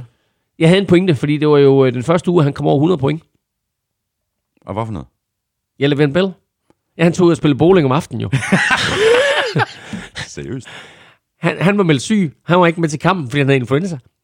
Og så var der selvfølgelig nogen, som så, at han var ude at spille bowling Nej, med det familien. slet ikke Jo, jo, set. men, men han lavede 251 point. Nej, det er stærkt. Ja, det, det, det, det, det, det, det, er- det, det har jeg er trods alt. Jeg tror det er aldrig, fandme- lavet 200 af bowling. Nej. Så, øh, så 251 af Levan Bell, det er faktisk, det er faktisk rigtig flot. Men, Ja. øh, men det er klart, at, at det skabte lidt det interne kontroverser, øh, at, øh, at han var der. Så øh, omgående er der sagt, okay, han bliver ikke straffet for den her situation, men samtidig så er der også kommet øh, ikke bare rygter, men, øh, men mere eller mindre bekræftet rygter om, at nu øh, shopper Øh, Jets, nu shopper de allerede på, på nuværende tidspunkt Le'Veon Bell, så øh, Le'Veon Bell er næppe i, i Jets til næste år. Sådan der.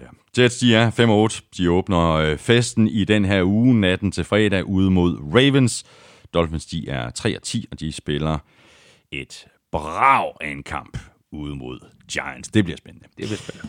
Og øh, Giants er med Eli Manning inden som quarterback. Øh, De var faktisk tæt på at overraske øh, ude mod Eagles i en øh, ikke sådan øh, videre køn Monday Night kamp. Øh, Giants førte det meste af vejen, var foran med 14 point i anden halvleg.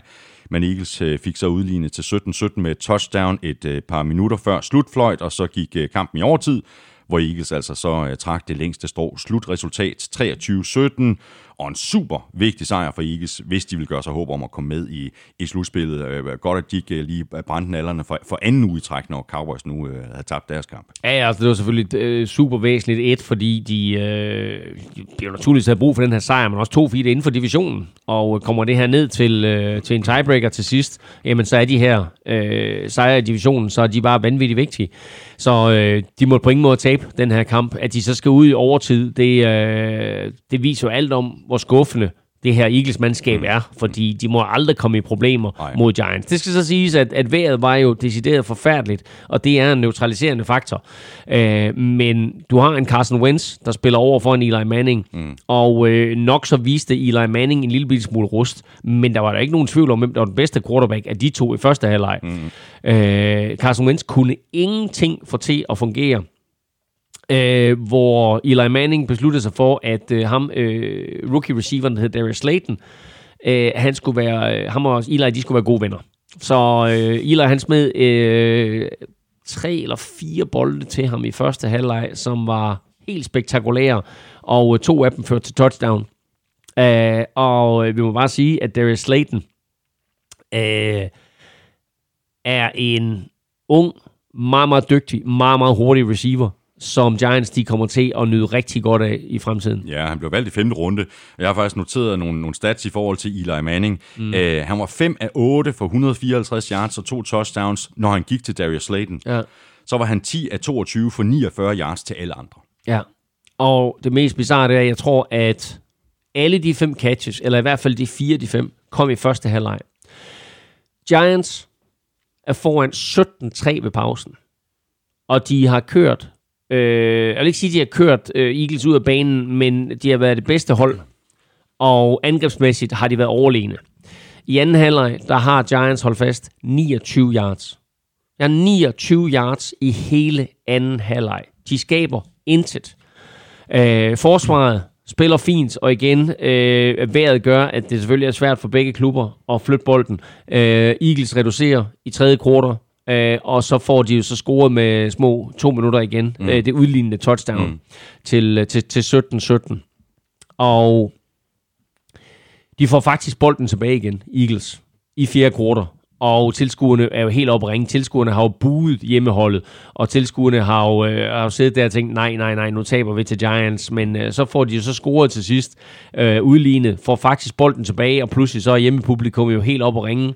Øh, de får så ikke scoret øh, yderligere øh, i, i, i normal spilletid, men kampen går i overtid, og så vinder Eagles så på den første angrebsserie i overtid, hvor Carson Wentz igen kører sine tropper ned ad banen, og så kaster det afgørende touchdown til Zach Ertz. Zach Ertz griber det udlignende touchdown, han griber det vindende touchdown, og øh, han er i det hele taget den bedste spiller øh, på banen her, i hvert fald for Eagles. Ni grebne bolde, 91 yards og to touchdowns, øh, og øh, er jo også mere eller mindre det eneste raske stjerne, som, øh, som Carson Wentz har at gøre med, fordi Alshon Jeffrey er ude, og Deshaun Jackson ved, at vi er færdige for sæsonen.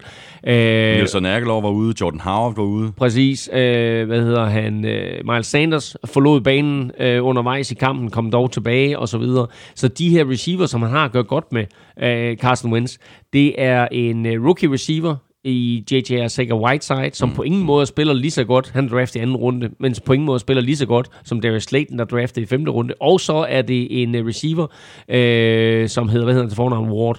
Øh, men han har spillet, han, han spillede i den her AAF-liga, som vi talte om i foråret, som øh, jo øh, kom ind med et brag, og så gik konkurs efter seks uger. Mm. Øh, men øh, en af de få spillere, som er kommet fra den her AAF-liga, og rent faktisk har en, øh, en, en, en karriere i NFL nu, og den eneste grund til, at han har en karriere, er selvfølgelig, fordi Eagles er i kæmpe nød for, for receiver, der kan noget. Ja. Har et, et enkelt eller to øh, catches i den her kamp, Ward, men altså, øh, det er jo ikke, fordi det er specielt gode spillere, han har kast til Carson Wentz. Nej.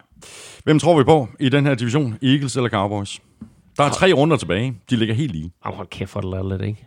Altså, der er, ikke nogen, der er jo principielt ikke nogen af dem, vi gider at se i slutspillet. Men altså, øh, inden sæsonen havde jeg jo 100% sikkert sagt Eagles. Mm. Øh, jeg tror faktisk, at Cowboys er de to... Nej, jeg tror sgu Eagles er det mest talentfulde af de to. Jamen, det handler vel også, hvem, hvem de, det handler vel også om, hvem de mangler at spille imod. Altså, Cowboys, de har Rams. Mm. Hvad er nu her i den, i den, øh, ja. i, i, den, i den kommende uge? Ja, og, hvad så? og Eagles? Eagles er ude mod øh, Redskins. Ja, ja nå, men det, det mener, så har de hinanden. De har hinanden ja. der i juleweekenden. Ja, præcis. Ja. Og så har Eagles så også, øh, de skal spille mod Giants i u 17. Ja. Og har Cowboys, Cowboys Redskins. spiller Redskins. Ja. Altså, det er den, den Rams-kamp kunne godt blive afgørende. Ja, det kunne hvem, hvem, lige du, hvad, hvad havde Eagles? Eagles havde hvem nu her? Eagles har, uh, spiller ude mod Redskins. Ja. Og så, uh, Cowboys. Og så Cowboys og så i u 16, og så ude, ude mod uh, Giants i u 17. Ikke? Wow. Altså, de, okay, på papiret har de et nemmere program, ja, ikke? det har de fordi, fordi, uh, fordi Rams jo... Uh, ja, fordi... Ej, altså, prøv at, altså, jamen, altså, ja, jeg ved det ikke. Uh, jeg har ingen anelse om det. Hvad siger du? Jamen altså, øh, på, på baggrund af deres øh, resterende tre kampe, altså kampprogrammet, jamen så, så, peger jeg på, så peger jeg på Eagles, fordi jeg tror ikke, at uh, Cowboys de slår Rams. Nej, nej, men så skal Cowboys jo bare slå Eagles. Ja, ja, bare, bare. Nå, men jeg siger det bare. Den, ja, ja. den, den kamp om 14 dage. That's true, mellem, de, den kan jo meget, meget nemt blive afgørende. Mellem de to kan, ja. kan blive afgørende, ikke? Ja. Men uh, Eagles er i hvert fald uh, 6 og 7. De spiller ude mod Redskins. Giants, de er 2 og 11, og de spiller hjemme mod Dolphins! Wow! Ugen spiller præsenteres af Tafel. Så er vi nemlig øh, lige præcis spiser simpelthen alt for lidt. alt for få øh, de der linstips, men jeg er bange for at, øh, jeg er bange for at blive for tynd. Ja, jeg kan godt forstå det. De smager virkelig godt. De smager rigtig godt. Mm. De er nomineret i ugen spiller var Mitchell Trubisky, how the fuck, Jimmy Garoppolo og AJ Brown. Så var der faktisk også en del, der stemte på Chiefs øh, dommercrew er det Patriots fans? ja, præcis. og, og tænk sig, tænk sig at, at Drew Brees, ikke? At han ikke kan blive nomineret. Han taber, så han kan ikke blive nomineret, sådan er det. Nej, men ved du hvad, men hvis, hvis, hvis Saints havde vundet den kamp, som jeg også svarede nogen i går, Ja, ja, ja. ja. så var han jo stensikkert øh, Ja, ja. blevet nomineret Ja, ja. øh, til ugens spiller, og han havde også vundet Ja, ja. ugens spiller. Fem, Altså, fem kastet ja, touchdowns. fuldstændig Og, vanvittig kamp. Spillede. Vi kommer, ja, vi kommer til at, og, øh, Kommer og, til og tale... lige om lidt. Lige præcis. Saints 49ers lige om lidt. Vi begynder nedefra i den her afstemning med Trubisky, øh, der fik øh, 15% af stemmerne. Det var ellers meget sjovt, fordi øh, jeg kan jo sådan øh, løbende følge med i, hvordan det går. Og da vi satte afstemningen i gang, det var bare Trubisky, Trubisky, Trubisky, Trubisky. Mm. Og så jeg holdt da kæft, men han løber afsted med, med Massan. Han endte altså med at få, få færrest stemmer. Øh, 15% af stemmerne gik altså til Trubisky. AJ Brown fik 23%, og Jimmy Jesus fik 62%. Det er så fortjent. Elming, du skal ikke kigge på mig på den måde. Elming, vi skal have fundet en vinder. Det er jo dig, der er. har haft hånden, haft hånden ned i sækken længe her. Lykkeskud ind. jeg trækker en, og ej, hvor jeg håber, at Trubisky. Kom så, Trubisky, Trubisky, Trubisky, Trubisky. Åh, oh, jeg finder en her. AJ Brown bliver det. Hold da op. Ja, og vi Jamen, skal han, fik, smutte... han fik også 23 procent. Ja, ja, men vi skal smutte til Roskilde, og en fyr der hedder Jakob. Stort tillykke til dig, øh, Jakob øh, Sigård. Øh, jeg sender dit øh, navn og adresse videre til MVP Christina på tafel, og så skulle der ikke gå så forfærdeligt længe, før du har din gevinst. Og hvis øh, du også godt kunne tænke dig at vinde sådan en kasse taffelchips, jamen så tjek NFL-showet på Twitter og på Facebook hver tirsdag, hvor vi nominerer tre spillere. Send så dit bud ind til mailsnablag.nflshowet.dk. Du skriver navnet på spilleren i emnelinjen, og i selve mailen, der skriver du dit navn og adresse. Og så åbner vi for øh, kampen igen, og det gør vi øh, med en af årets suverænt fedeste kampe. 49ers vandt over Saints i New Orleans med 48-46 på 30-yard field goal af Robbie Gold til aller, aller sidst. Øh, den her kamp, den kunne være gået til begge sider, og det var en af den der slags kampe, hvor det, hvor det nærmest havde været mest rimeligt med en, øh, en uafgjort kamp, øh, og det virkede nærmest som om, at øh, Sean Payton og Kyle Shanahan simpelthen øh, tømte deres playbooks for, øh, for store spil. Det var helt vildt jo. Det var skide sjovt at se på. Altså sådan det. Øh, og øh, angreb sælger billetter. Forsvar vinder mesterskaber. Og skal de her to øh, hold, skal de vinde mesterskab, så, øh, så er det det øh, hold, øh, der har det bedste forsvar, som, øh, som kom, kommer til at, at vinde næste gang. Fordi det her, det var en angrebsopvisning af begge mandskaber. Det var øh, Drew Brees og Saints, som levede ud som lyn og torden, og man tænkte bare, og jeg tror også, vi, vi sad jo som sagt og så det sammen, men jeg tror også, du sad og tænkte, hold da kæft, vi bliver kørt midt over. Men, Fuldstændig, øh, og som, som vi taler om, og som vi også taler om, da Ja. ja. vi valgte kampe i, i sidste uge, hvor Ja. ja. jeg tog 49ers, mm. så sagde jeg, at jeg troede, at uh, 49ers defensiv ville have styr på det her Saints-angreb. Det havde de overhovedet ikke. Du tog sgu da ikke 49ers i sidste uge. Det gjorde jeg. Gjorde du det? Ja, det gjorde jeg da. Okay. Øhm, nej, det havde de ikke. Øhm, men, men det, jeg synes, der var mest imponerende, og vi, vi skal nok vende tilbage til de to forsvar, øh, hvor end lidt der er tale om, men øh, det, jeg synes, der var mest imponerende, det var, at Jimmy Garoppolo, han ikke rystede på hånden. Han, øh, de kommer bagud for Niners, og så formår han alligevel at føre dem tilbage, og øh, for hver gang Drew Brees, han laver et eller andet vanvidskast, jamen, så kommer Jimmy Garoppolo øh, tilbage og laver noget lignende. Og derudover, så må vi jo sige også, at, øh, at Fort Niners jo har fundet en øh, ny playmaker i Raheem Mostert, mm. øh, som øh, lidt eller Alvin Kamara jo er en trussel både i løbeangrebet og i kastangrebet, og hvor 49ers jo har postet en frygtelig masse penge i free agents, som øh, Tevin Coleman og øh, Jarek McKinney. Jarek McKinnon, som vi, ikke, som vi overhovedet ikke har fået set endnu. Præcis. Det er hans anden sæson i, Ja. i San Francisco, ikke? Og øh, der må vi sige, at der har de altså måske fundet løsningen i Raheem Mostert, fordi ja. han jo præcis er den type running back, som øh, Kyle Shanahan han godt kan lide. Øh, og i det hele taget, så vil jeg sige, altså det her Fort Niners angreb, hvis man ser på, hvad, hvad de havde, altså det angreb, som de startede med i år, med playmakers, mm. Jamen altså, der er vel, der er vel Kyle Juszczyk og, øh, og George Kittle tilbage. Ja. Alt andet er skiftet ud. Ja, præcis. Ikke? Øhm, så den offensive linje var mere eller mindre intakt og mere eller mindre tilbage øh, ved fuld styrke. Så er der selvfølgelig en katastrofe, at de mister... Øh, Richburg. øh, Center. Ja, hvad hedder han? Western Richburg. Western Richburg. Ja. Øhm, og, Og han er ude- han er ude for han, han er sæsonen. meldt ude for sæsonen. Da de mister ham, der sidder der, der, der, der går du sådan lidt i grædekoma. Ja, det gør jeg. øh, sidder over i hjørnet og, og gemmer dig lidt under tæppe med, med, med en kop te, og vi må over og trøste dig og sådan noget. Ikke? øhm, men det var jo ikke som om, at angrebet det gik i stå på grund af det. nej.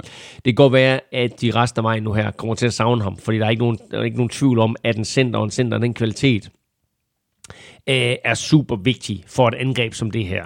Øh, og du ikke bare erstatter ham Men det, jeg synes, der var positivt i kampen her, det var, at selv da han bliver skadet, der fortsætter det. Mm. Løbeangrebet fortsætter, Garoppolo fortsætter, øh, Raheem Mostert fortsætter, øh, hvad enten han, han griber eller, eller øh, løber bolden. Så øh, det her var en, en, øh, en offensiv opvisning af begge mandskaber. Men det, der imponerede mig aller, allermest, det var faktisk, at Jimmy Garoppolo, at han her øh, viste, at i en kamp, hvor han skulle følge med en af de helt store, mm. og hvor det var et spørgsmål om at blive ved med at smide point på tavlen, at der gjorde han det. Mm. Der er to turnovers i den her kamp. Drew Brees laver en, Jimmy Garoppolo laver en, begge to fumbles. Det er alt. Ellers så spiller han jo faktisk en super solid kamp. Og Saints, hvis vi bare lige, øh, bare lige spoler frem til afslutningen på den her kamp, jo, som, var, øh, som også var, var, var fuldstændig sindssyg. Altså Saints kom foran med 46-45 med 53 sekunder tilbage på klokken. Så øh, konverterede 49ers først på fjerde down og to. De nåede lige at kalde mm. en timeout. Mm. Og så konverterer de så fjerde down og to, kaster ud til øh, Kittle mm. ude på venstre sidelinje, som så øh, bare bliver ved med at løbe. Altså, der, er, der er en lille bitte øh, facemask øh, på ham, men han får altså øh, 15 yards øh, ekstra, samtidig med, at der er en 2-3 øh, Saints-spillere øh, omkring ham. Og Henrik Søgaard, han, han skriver til os, øh, så kostede Williams endnu en gang Saints en sejr. Den mand er dyr for Saints. Hvorfor skubber han ikke Kittle ud over sidelinjen, i stedet for at trække ham ind i banen i facemasken? Øh, ja, men det er ikke, altså jeg ved, jeg ved godt, at Williams han får, han får, han får skyld for det her. Det var selvfølgelig også Williams, som, øh, som hvad hedder det, var skurken i The Minnesota Miracle. Øh, hvor for, for to år siden i slutspillet, hvor, øh, hvor han jo mister taklingen på Stefan Diggs. Men det er faktisk ikke hans skyld, fordi der er en spiller, som der er en Saints-spiller, som har fat i George Kittle helt op omkring line of scrimmage. Øh, Kittle har godt nok fået første down, men hvis han bare takler ham der, så er skaden ikke større end at Fort Niners har fået en første down. Men Kittle er rå og brutal, og ikke lige sådan øh, at få ned, hvis man er en mod en, og slet ikke, hvis man er en cornerback eller en lille safety over for ham. Så han skubber bare den der Saints-spiller væk. Og da han så først er skubbet væk, jamen så får Kittle de her yards ned ad sidelinjen, og så kommer der en og to og tre Saints-spillere, og ja, så river Marcus Williams ham i facemasken, øh, hvilket er totalt tåbeligt og dumt, og ikke bare dumt, men han holder også fast, øh, og så videre. Mm. Øh, og Kittle er jo fuldstændig ligegyldig, ikke? Altså, det er jo en Ja, øh, el- el- og- elefant med tre myrer på sig, ikke? Altså, præcis. Og det der med, jamen, som, som Henrik han skriver, jamen, hvorfor skubber han ikke og bare ud over sidelinjen? Jamen, det, er det, det er også nemmere, nemmere sagt end det gjort. kan du ikke. Nej. Det kan du ikke. Altså, men altså, øh, der, er- der er en, en, en, en god gammel trænerfilosofi, som, som øh, foregår ind på den, øh, på den offensive og defensive linje. Og det er, at hvis du som defensiv lineman øh, bliver skubbet væk, så gør du en ting, og det er, at du smider dig ned på alle fire. Øh, fordi så, så, så vælter hele lortet. Og det er jo lidt det samme, de her forsvarsspillere, de skal gøre for Saints. De skal ikke prøve at hive ham ned. De skal simpelthen bare smide sig ned, og så få ham til at vælte. Hmm. Øh, men altså, øh, altså der, der er ikke nogen, der ikke elsker Kittle, uanset om man er Fort Niners fan eller ej, så, så må man jo bare holde af den måde, han spiller på, og den måde, han agerer på. Men det spil her bliver selvfølgelig 15 yards større, fordi de får den der 15 yards straf. De har tid, faktisk, Fort Niners, ikke? Altså, øh, de får bolden tilbage med 53 sekunder, øh, og, øh, og, og da Kittle han konverterer, der har de faktisk tid til at, at, at køre flere spil, hvis det er, så de 15 yards er selvfølgelig en gave, mm. og hjælper dem selvfølgelig, men altså, det er Kittles store spil, og det er Ja. Garoppolo spil på fjerde down, og to, det er completion på fjerde down og to, og det faktum, at Kittle bryder den første takling, som betyder, at de vinder kampen. De 15 yards er kun en gave. Mm. Thomas Valder skriver sådan her, jeg lavede i søndags en Claus, da jeg som øh, Saints-fan måtte sidde og råbe mit tv ved Saints sidste touchdown. Hvorfor kører Saints ikke noget mere tid af klokken, inden de scorer deres touchdown øh, sidst i kampen? De øh, står lige uden for red zone med over et minut tilbage og to timeouts. Bolden har hele kampen igennem været nem for begge angreb at flytte, så hvorfor ikke vente eksempelvis 30 sekunder, inden man påbegynder et spil? Var der taler om dårlig clock management fra Saints side, eller er det bare for nemt at være bagklog? Det er for nemt at være bagklog. Der er to ting i det her. Et, øh, hvis du lige pludselig begynder at stå der og tage, og tage tid af klokken, så et, så øh, sætter du dig selv under større pres. To, du tager truslen om et løb væk. Mm. Fordi med så lang tid tilbage, der har du faktisk truslen omkring et løb og en, en lille draw og så videre. Øh, men øh, hvis, du, hvis du siger 30 sekunder, så, så ved øh, Fort Niners, så går vi ud og kaster. Det vil sige, de kan, lægge, øh, de, kan- de kan komme et pass rush, og de kan, og de kan dække op. Øh, og øh, uden at skulle bekymre sig om, at der lige pludselig kommer øh, en eller anden lille draw, eller hvad det nu måtte være. Øh, og når du så står dernede, så vil du også bare gerne have bolden i endzonen. Og selvfølgelig vil du gerne bruge så meget tid som muligt, så modstanderne ikke får øh, ret meget tid at gå godt med. Men jeg tror heller ikke, at selvom, selvom Garoppolo og 49ers har flyttet bolden, så tror jeg ikke, at Saints de tror på, at med 53 sekunder igen, at så kan Garoppolo øh, nå at score Nej, touchdown. og- og er Eller field bare goal, sådan- field goal var selvfølgelig nej, nok. Ja, ja, præcis, men altså, den situation er også bare, altså, ved du hvad, vi, vi, vi kan score touchdown nu, Præcis. vi scorer touchdown nu, så scorer man touchdown. Altså, man skal have de Og point, sådan, ikke? sådan, sådan er det.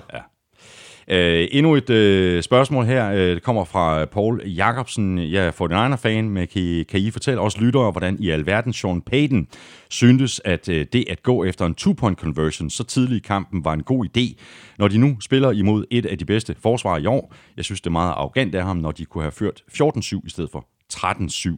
Øhm, jamen, ved du det er jo bare vand på din øh, mø- mølle, øh, Elming. Tag de, øh, tag de point, der er der. Jamen præcis, altså tidligt i kampen, tag de point, der er der. Og så kan man sige, okay, grunden til, at de vælger at gå efter two-point, con- eller ja, en two-point conversion, det er jo, fordi der er en, en straffe mod Fort Niners, som så gør, at bolden skal snappes fra 1 yard linjen i stedet for 2 yard linjen og så tænker Saints, jamen, så hammer vi lige den her ind og får to point i stedet for et point, men det gør de ikke. Og det ene point, det er jo det, de mangler til sidst. Fordi de går efter to, to point senere i kampen også, og den misser de også. Og øh, havde, de, havde de brugt de der øh, ekstra point, jamen så var det et udlignende field goal, mm-hmm. som 49ers havde lavet, og ikke et vindende field goal. Og hvis og hvis og hvis, men altså, du kan tage de der øh, analytics og gøre alt muligt med dem og så videre. Jeg har en helt klar filosofi om, du tager alle de point, der ligger foran dig ind til 5 minutter før tid. Og er du langt bagud i fjerde kvartal, så kan man selvfølgelig begynde at vurdere på, hvad er det helt præcis, vi skal her. Er du bagud med 16, jamen, så er det klart, at så går du efter en touchdown og en two-point conversion. Men i første kvartal, hvor du kan bringe dig foran 13-7, øh, eller, eller hvad hedder det, du kan bringe dig foran 14-7, eller 15-7, mm. eller 13-7, ikke? Altså, så går du efter det ene point, og gør det til 14-7. Ja, er fuldstændig ikke? enig. Så øh, og det, det, det bliver faktisk dyrt for Saints. Ja. Lige nøjagtigt det der, ikke? Så er der et øh, spørgsmål her fra Jesper B. Nielsen. Der er simpelthen kommet så mange spørgsmål lige præcis på den her kamp. Øh, det er ikke overraskende. Nej, Jesper skriver sådan her. Øh, New Orleans versus 49ers var en super kamp. Jeg forstår stadig ikke helt, hvorfor der ikke var pass interference imod 49ers, der hvor forsvaren slet ikke prøver at spille bold, men bare moser wide receiveren fra Saints. Kan I ikke forklare det? Jeg forstod ikke helt den forklaring, de kom med på amerikansk tv. Jo, og det er på en fjerde down, hvor Saints laver et fake punt. Og hvis du på en fjerde down stiller op i en normal offensiv formation, så vil der også have været blevet kaldt pass interference. Men fordi Saints stiller op i en punt-formation, så er reglen, at så kan der ikke laves pass interference på de to yderste. Fordi de der to spillere på ydersiden, de har lov til at øh, blokere to- længere ned ad banen. De her to gunners. de, de, de to gunners på ydersiden må blokeres længere ned ad banen, end de der 5 yards, som man må på et normalt spil. Og fordi øh, de to spillere, som står på ydersiden for forsvaret, øh, som jo i det her tilfælde, så, øh, sådan, i stedet for forsvaret, sådan, så bliver et punt return enhed, øh, at de jo ofte ikke kigger tilbage, eller det gør de aldrig, de kigger ikke tilbage, de, de blokerer jo bare. Og det vil sige, at det øjeblik bolden er i luften, jamen der, har, der, der er de i gang med at blokere, øh, og så vil du altid kunne køre et spil og bare kaste bolden op, og så sige, at der er pass interference. Mm. Så derfor så er reglen faktisk, at hvis du stiller op i en punt-formation, så kan der ikke kaldes pass interference på de to yderste spillere. Der kan selvfølgelig på alle mulige andre, men mm. på de to yderste kan der ikke. Saints, de er 10 og 3. De spiller hjemme mod Colts Monday Night. Øh, For Niners, de er 11 og 2, og de spiller hjemme mod Falcons. Jeg har tre ting, jeg gerne vil sige. Sådan. Ja. Jeg havde faktisk, jeg, men jeg tænkte, nu vil jeg godt bevæge mig videre fra den her kamp, men jeg har nemlig også masser af andre ting. Men det kan være, at vi overlapper. Ja, men, øh, nej, men en ting, jeg vil sige, det er øh, ris lige op, fordi øh, Westberg øh, var jo ikke den eneste, der blev skadet øh, fra, øh, fra Fort Niners. Hvem var det mere? De Ford, De får det, ja, og han, er, han, han har jo været skadet øh, i flere kampe. Nu har han måske været kommet tilbage lidt for tidligt. Han er, han er i hvert fald øh, ikke tilbage før i, i slutspillet. præcis, og øh, Richard Sherman, Ja, også ude i nogle uger. Må ikke han er tilbage mod øh, Seahawks i uge 17, det kunne jeg forestille må mig. vi se, men i hvert fald en, en, et, et hårdt slag for dem med skader, og Saints mister Marcus Davenport formodentlig for resten af sæsonen. Øh, så øh, han øh, forventes at skulle øh, på operationsbordet, så han er i hvert fald han er i hvert fald ude øh, og har været en virkelig virkelig øh, dygtig spiller for Saints. Mm. Så nok så er det her en af de mest spektakulære kampe to mandskaber overhovedet har spillet i den her NFL-sæson, men den var også hård for dem. Og selvom det sådan at vi så en masse underholdende fodbold, så blev der altså gået til vaflerne. Ja. Og Jared øh, Cook røg også ud med en hjernerøst. Jared, Jared Cook Efter ud. han havde grebet to touchdowns i, var det Præcis. første quarter, ikke? Ja, ja, altså suveræn første quarter, Jared Cook, ikke? Så altså, der var, der, var, der var mange skader til de to mandskaber her, og øh, jeg håber ikke, at det får indflydelse på resten af sæsonen for dem, men det var nogle markante profiler, Ja, det det. de har mistet. Ja. Så vil jeg lige sige, Uh, vi nævnte lige, at Drew Brees ikke kaster fem touchdowns og løber et enkelt ind. Seks touchdowns af ham. Uh, sammenlagt helt igennem. Fantastisk. Uh, og så faldt jeg over den her sjove statistik. Her er spillerne med det højeste gennemsnit per løb i de sidste to sæsoner. Mm. Okay, siden starten af 2018, okay? Nummer 5 på listen. Læg mærke til, at det alle sammen er quarterbacks. Nummer 5 på listen, Russell Wilson. 5,33 yards per løb. Nummer 4, det er Sean Watson. 5,36 yards per løb. Lamar Jackson, 5,74 yards per løb. Josh Allen, 5,82 yards per løb. Wow. Og nummer 1 på listen, Raheem Mostert, 6,39 yards per løb. Crazy. Så øh, det er bare lige for lige at øh, slå min pointe fast med, at Raheem Mostert er altså en øh, nål i en høstagtig har fundet der Ja. øh, 49ers. Øh, En se- usleben øh, diamant, øh, som vi kalder ham i Fort Land, øh, Wolfgang Amadeus Mostert. Ja, men han spiller, så fuglene synger jo. øh, og så var det, det sidste, jeg lige vil komme med, at, at spiltip. Fordi 49ers øh, spiller hjemme imod Atlanta Falcons. Og øh, det her, det kunne godt have været min money in the bank. Øh, Atlanta Falcons giver os 25. Ja. Men så, det, For- synes jeg, det synes jeg er et rigtig, rigtig godt. Ja, Også det er et godt 25, odds. sådan som Falcons Ja. de spiller i Men- øjeblikket. Men det, det, de, de vinder ikke kampen. 49ers giver odds 1,18. Og øh, det synes jeg, man skal spille. Og så øh, giver de omkring odds 1,35, hvis de vinder med et touchdown. Okay. Jeps, med øh, 49ers sejr over Saints, øh, så var der ikke så meget at rafle om for, for Seahawks, hvis de ville øh, holde fast i førstepladsen i NFC Vest. De skulle slå Rams på udebane. Rams har så fundet formlen på det øh, forkerte tidspunkt, i hvert fald øh, hvis man hedder Seahawks, fordi for anden uge i træk, der leverede de en præstation, der mindede lidt om sidste år, og de vandt øh, kampen let med 28-12. Et par tossede interceptions fra Jared Goff kunne have gjort kampen mere spændende, end, end den blev. Det, Jamen, det altså- ligner Rams fra sidste år, det her. Det ligner, ja, og det gjorde det i hvert fald i første halvleg, fordi øh, de havde fire angrebsserier i første halvleg Rams, og de scorede på de tre, scorede touchdown på de tre, og øh, Goff var helt suveræn. Øh, og øh, forsvaret har spillet fabelagtigt de sidste to uger. Forsvaret holder Seahawks fra at score et offensivt touchdown. Det touchdown Seahawks de får, det kommer på forsvaret.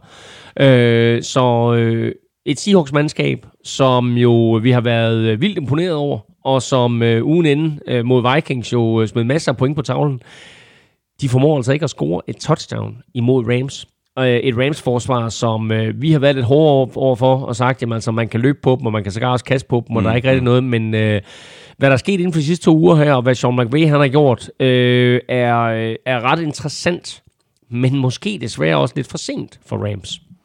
Ja, altså nu må vi se, altså de mangler øh, Cowboys ude, som vi har talt om, så mangler de øh, 49ers ude, og så mm. mangler de Cardinals mm. hjemme, og Seahawks og 49ers, de spiller imod hinanden i uge 17.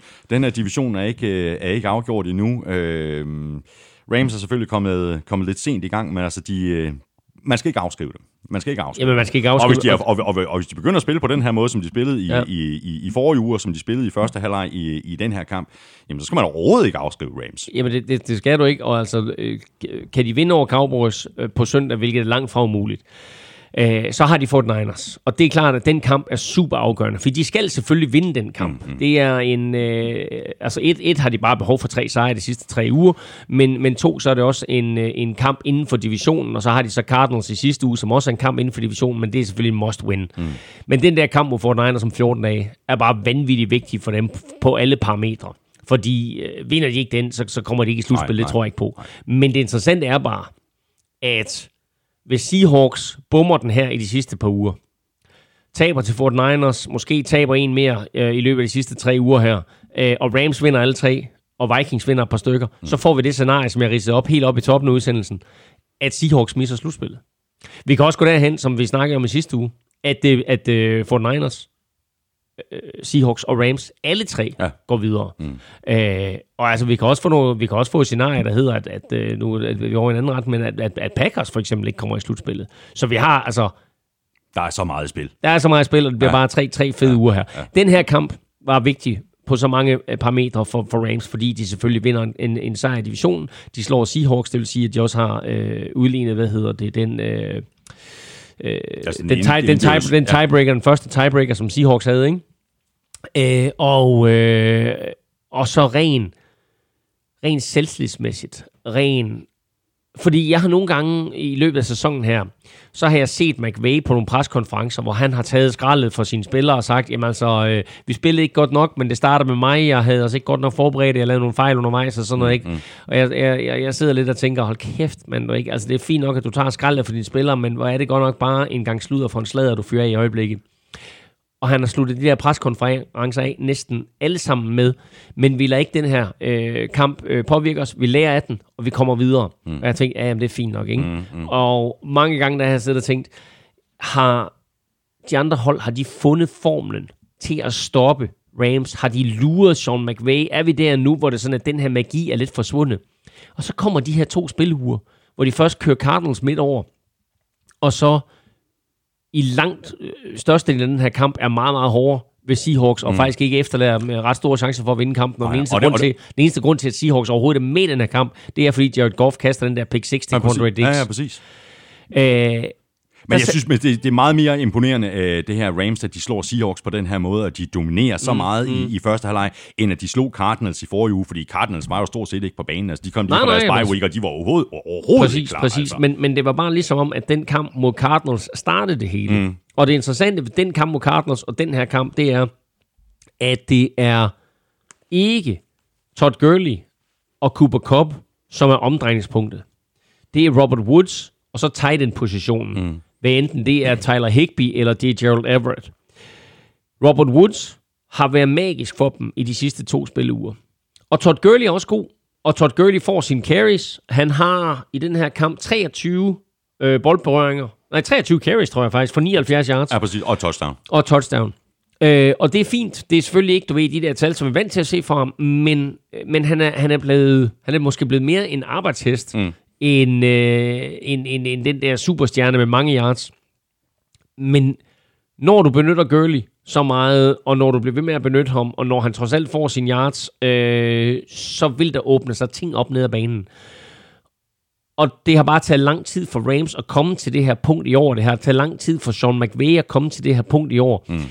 Og så øh, med hensyn til, til, øh, til Robert Woods, så er det ligesom om, at McVay har fundet ud af, jamen jeg har et våben her, som jeg egentlig ikke har benyttet mig øh, af nok, og måske ikke benyttet mig af på den rigtige måde, og nu her skruer vi et angreb sammen, som stadigvæk er det her øh, elegante, let forvirrende angreb, der kan være svært at håndtere. Alt ligner hinanden, mm, mm. alle plays ligner, men vi går mere til Robert Woods, og vi går mere til tight end-positionen, hvem der end øh, lige øh, spiller der. Øh, nogle uger har det været Gerald Everett, i den her uge var det Tyler Higby. Øh, og det synes jeg er imponerende, at han har været i stand til at omstille på den måde der. Fordi det her, de sidste to uger her, har været rigtig sjovt at se på Rams igen. Ja. Fordi det har ikke været sjovt at se på Rams. Nej, det, har det var skide sjovt at se på Rams sidste år. Mm. Det har ikke været sjovt at se på Rams i år. Det er det været de sidste to uger. Mm. Vi skal lige nævne, nu nævnte vi alle de her skader i, øh, i Saints 49ers-kampen. Øh, der var også en, en, en rigtig uh, trist skade for Seahawks i den her kamp. Rashad Penny, han gik uh, ud uh, med en skade efter den første angrebsserie. Han er ude resten af sæsonen. Ja, det er synd, uh, fordi han faktisk lige nøjagtigt var begyndt at finde sig selv. Uh, vi så hans, hans eksplosivitet, hans fart, hans acceleration, hans evne til at skabe plays bare via sin fart, øh, har været en vigtig faktor for Seahawks i de sidste mange uger, og øh, han går ud med en, øh, det, det er tæt på det ene skade, han bliver ramt på en lidt mærkelig måde, mm. og øh, de gode nyheder for ham er så, at det er en øh, ledbåndsskade og ikke en korsbåndsskade. Ja. Seahawks, de er 10 og 3, de spiller ud mod Panthers. Rams, de er 8 og 5, og de skal altså til øh, Dallas og spille mod Cowboys. Og så videre til øh, uh, topbraget i AFC mellem Patriots og Chiefs. Chiefs vandt med 23-16, efter at uh, Chiefs cornerback Bashot Breland forhindrede Julian Edelman i at uh, gribe bolden i endzone på fjerde down med omkring et uh, minuts penge tilbage på klokken og dermed er Patriots fuldstændig vanvittige streak med hjemmesejre øh, brudt. Vi skal næsten øh, åbne den her snak, øh, Claus, med, med, med de to øh, dommerkald, der gik øh, Patriots imod i den her kamp. Øh, Thomas Velling skriver sådan her til os, øh, er det tid for fans af de 31 andre hold at pakke deres sølvpapirshat ned sammen med konspirationsteorierne om særlig dommertække til Patriots efter dommerstandens seneste ynkelige indsats kostede os 14 point og formentlig sejren. Os men han er jo Patriots-fan. Ja, os. Jeg synes, det er vigtigt, at det kostede os. Ikke? Altså, ja, ja, men prøv at høre, sådan er det med de der Patriots-fans. Ikke? Altså, nu har de haft dommerhjælp i 20 år, ikke? og så endelig er der en kamp, hvor dommerne ikke lige er med Patriots. Ikke? Og ved du, jeg fik, det samme, jeg fik det samme smør fra en kammerat, jeg har, der bor i Canada, ikke? Du ved, ikke? Og, øh, og så videre. Jeg skrev præcis det samme, selvfølgelig lidt provokerende. Ikke? Du ved, men så se, hvordan- det er så dejligt at se, hvordan de reagerer, de Patriots-fans der. Ikke? Men, øh, men det her, det er da en katastrofe. Det er da en katastrofe for kampen. Uh, der er tre dommerkald, der går imod Patriots. De to af dem på samme drive. Øh, den ene er en... Øh, øh, det er den her, det er den her fumble af Travis Kelce. Ja. Øh, hvor Stefan Gilmore samler bolden op og, og løber og øh, scorer måske, måske ikke touchdown på den der, men dommeren har fløjtet spillet af. Mm. Øh, Ja, de dommeren, de kalder Kelsey nede. Præcis, ikke? Og præcis. det viser sig senere, at det var en fumble, og hvis Ja. man havde ladet spillet fortsætte, Ja. ja. jamen så havde Gilmore scoret Lige defensivt touchdown. Den turnover, den fører så til et øh, kast lidt senere fra Tom Brady til Nikhil Harry, som øh, scorer touchdown, men han er så dømt ud over sidelinjen, mm. og øh, Patriots har brugt begge deres challenges, så de kan ikke challenge den der. Så de, må, de kommer derfra med field goal. de kommer derfra med field goal. Og så er der en pass interference kald øh, sent i kampen, hvor man, øh, apropos det vi talte om tidligere, at øh, New York er begyndt at omstøde flere kendelser, så er det sådan en kendelse, hvor man vil sige, altså hvis man er i slutspil, og den der, den ikke bliver kendt, øh, bliver kaldt, så er der et eller andet helt galt, fordi ja. der var kæmpe, kæmpe pass interference. Og, og det, altså, en blind mand kunne se, at der var pass interference på det, på det spil. Ikke? En, en, en lang bold fra Brady øh, ud mod venstre sidelinje, og så kan jeg ikke huske, hvem det er, der kommer fra, øh, fra Chiefs og, og begår pass interference. Jeg tror også, var det, var det på Nikhil Harry, eller hvem, eller hvad?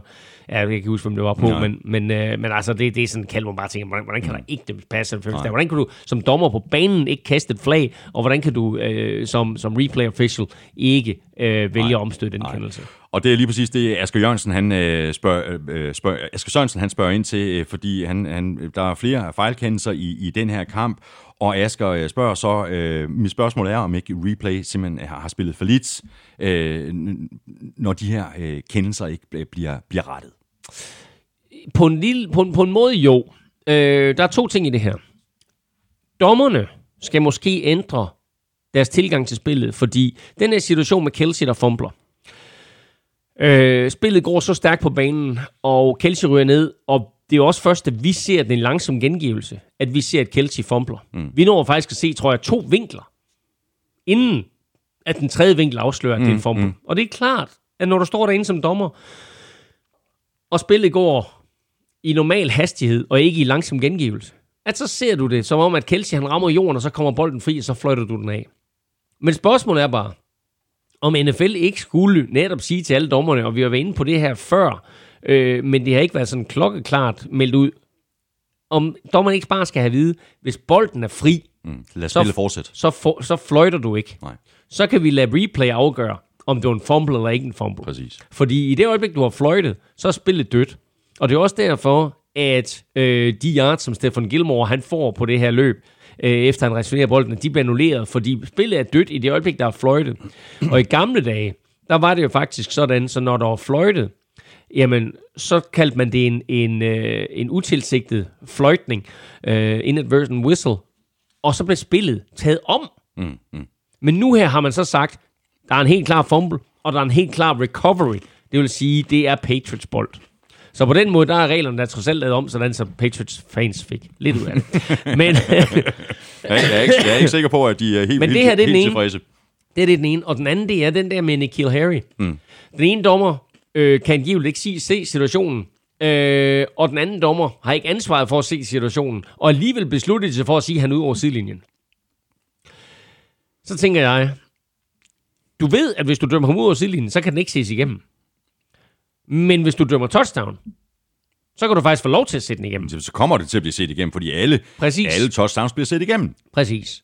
Så burde man i den situation ikke øh, til gode se angrebet. Man til gode se angrebet i alle andre situationer. Mm, mm. Hvis der er kamp om bold, så er det altid... Altså, hvis, hvis to spillere har grebet en bold samtidig, så er det altid angrebsspilleren, ja. øh, som har grebet den først, mm, så at sige. mm. Ikke? Øh, så her burde man også bare til gode se angrebet og så sige, er der tvivl om højden eller ude, og der er en scoring øh, involveret, så dømmer vi scoring. Så er, så er replay automatisk sat i effekt. Præcis. Og så har du den sidste, den kan man ikke rigtig gøre noget ved det, den der pass interference. Altså, der er ikke nogen af os, der aner, længere, hvad der er pass interference. Der er ikke nogen af os længere, og, og, og catch-reglen er også kommet i tvivl igen, fordi hvornår, hvornår er det et catch, hvornår er det ikke et catch. Vi har set nogle situationer i løbet af sæsonen, hvor en bold bliver slået fri efter et catch, mm. og nogle gange bliver det dømt som fumble, og andre gange bliver det dømt som incomplete pass, og man sidder bare, åh, hvad, går det vores vej, går det vores vej, det ikke? Nej. ikke? Altså, der vil det være Og det- rart, og det der, er- vil, der vil det være rart som fan, som spiller, som træner, at man ligesom vidste, det er der. At vi er enige om reglerne. Præcis. Ikke? Og vi er enige om, hvad det er, hvor vi er det, ser. hvor er det vanvittigt, Det er at, at vi har en situation, hvor man ikke er enige om reglerne. Ja, fuldstændig vanvittigt. Nå, men ved du hvad, øh, nu kan det godt være, at Chiefs øh, fik, øh, fik lidt hjælp, hjælp i den her kamp, men under alle omstændigheder, så er det en præstation i sig selv at vinde på Gillette øh, Stadium. Men Chiefs ser ikke lige så eksplosiv ud på angrebet, som de gjorde først på sæsonen, og Patrick Mahomes ser ikke lige så god ud, som han, han gjorde øh, først på sæsonen. Nu var han så også lidt øh, småskadet øh, i, i, i den her kamp, men, men, men stadigvæk, det, det virker ikke lige så godt, øh, det her Chiefs, øh, Chiefs hold. Nej, øh, han kaster en interception for det første på sit allerførste spil, og så tænker man, nå, jamen, øh, det går åbenbart den vej i dag. Men, øh, men det er jo sådan set det, det eneste dårlige spil, han laver i, i, i to og en halv kvarter. Fordi så kører han altså 23 point på tavlen. Øh, 23 point, vil jeg mærke, hvor, hvor, hvor Patriots ikke får lov til at score. Mm. Patriots scorer til 7-0 på det der, de kommer foran på, på det der trækspil. øh, Brady øh, giver bolden til en running back, der kaster den tilbage til Brady, og Brady kaster til Edelman, sådan en mm. flea flicker type spil. Og øh, et, Mahomes har lige kastet interception. Brady og Patriots kommer ud med den der, man tænker, Åh, jamen, det bliver en lang dag for Chiefs det her. Men derfra, der spiller Chiefs forsvar godt, Præcis. og Mahomes spiller godt, smider 23 point på tavlen i træk, har et drive, Thomas, hvor vi også sad og var lidt imponeret over, at han konverterer en tredje og 19, og han konverterer en anden og 25. Mm. Men så er det også træls at spille forsvar, ikke? Jamen, altså, så, Vi har stoppet så, dem. men, altså, Du, du, du sidder lige og sviner ham og siger, at han spiller ikke lige så godt. Han konverterer en tredje og 19 imod Patriots forsvar. Jeg, jeg sviner ikke Mogens. Der er jeg, ingen andre i NFL, der kan... Jo, Aaron Rodgers måske. Det er ikke så meget, øh, det, er, det er ikke ene og alene på baggrund af den her kamp. Siden at Mogens er kommet tilbage fra sin skade, har han ikke set ud som den Mogens, vi så på banen før skaden. Det kan vi godt blive enige om, på trods af de her konverteringer. Ikke? Måske. Nej, prøv at høre. Øhm, hvis Mogens havde været på sit niveau, så da de har scoret 23 point, så fortsætter maskinen. Men maskinen gik i stå. Og øh, hvis man kiggede på øh, de sidste fem angrebsserier for Chiefs, så siger det lidt om, det, det, det er den pointe, du gerne vil frem til. Nemlig, at de går tre ud, tre gange, mm. de har et blokeret punt, og de har en fumble. Mm. Det er deres sidste fem angrebsserier. Ikke? De har tre ud tre gange. Og en Mahomes og Chiefs angreb, som vi har omtalt i så rosende vendinger, og en Andy Reid, som er, er den her offensive guru, det angreb på udebane imod Patriots skal ikke gå tre og ud tre gange på de sidste fem ang- angrebsserier. Chiefs giver Patriots alt for mange chancer for at komme tilbage i den her kamp. Og det siger faktisk mere om Chiefs Nej, det siger mere om Pat- Patriots krise, end det gør om Chiefs' evne til at lukke den her kamp. Mm.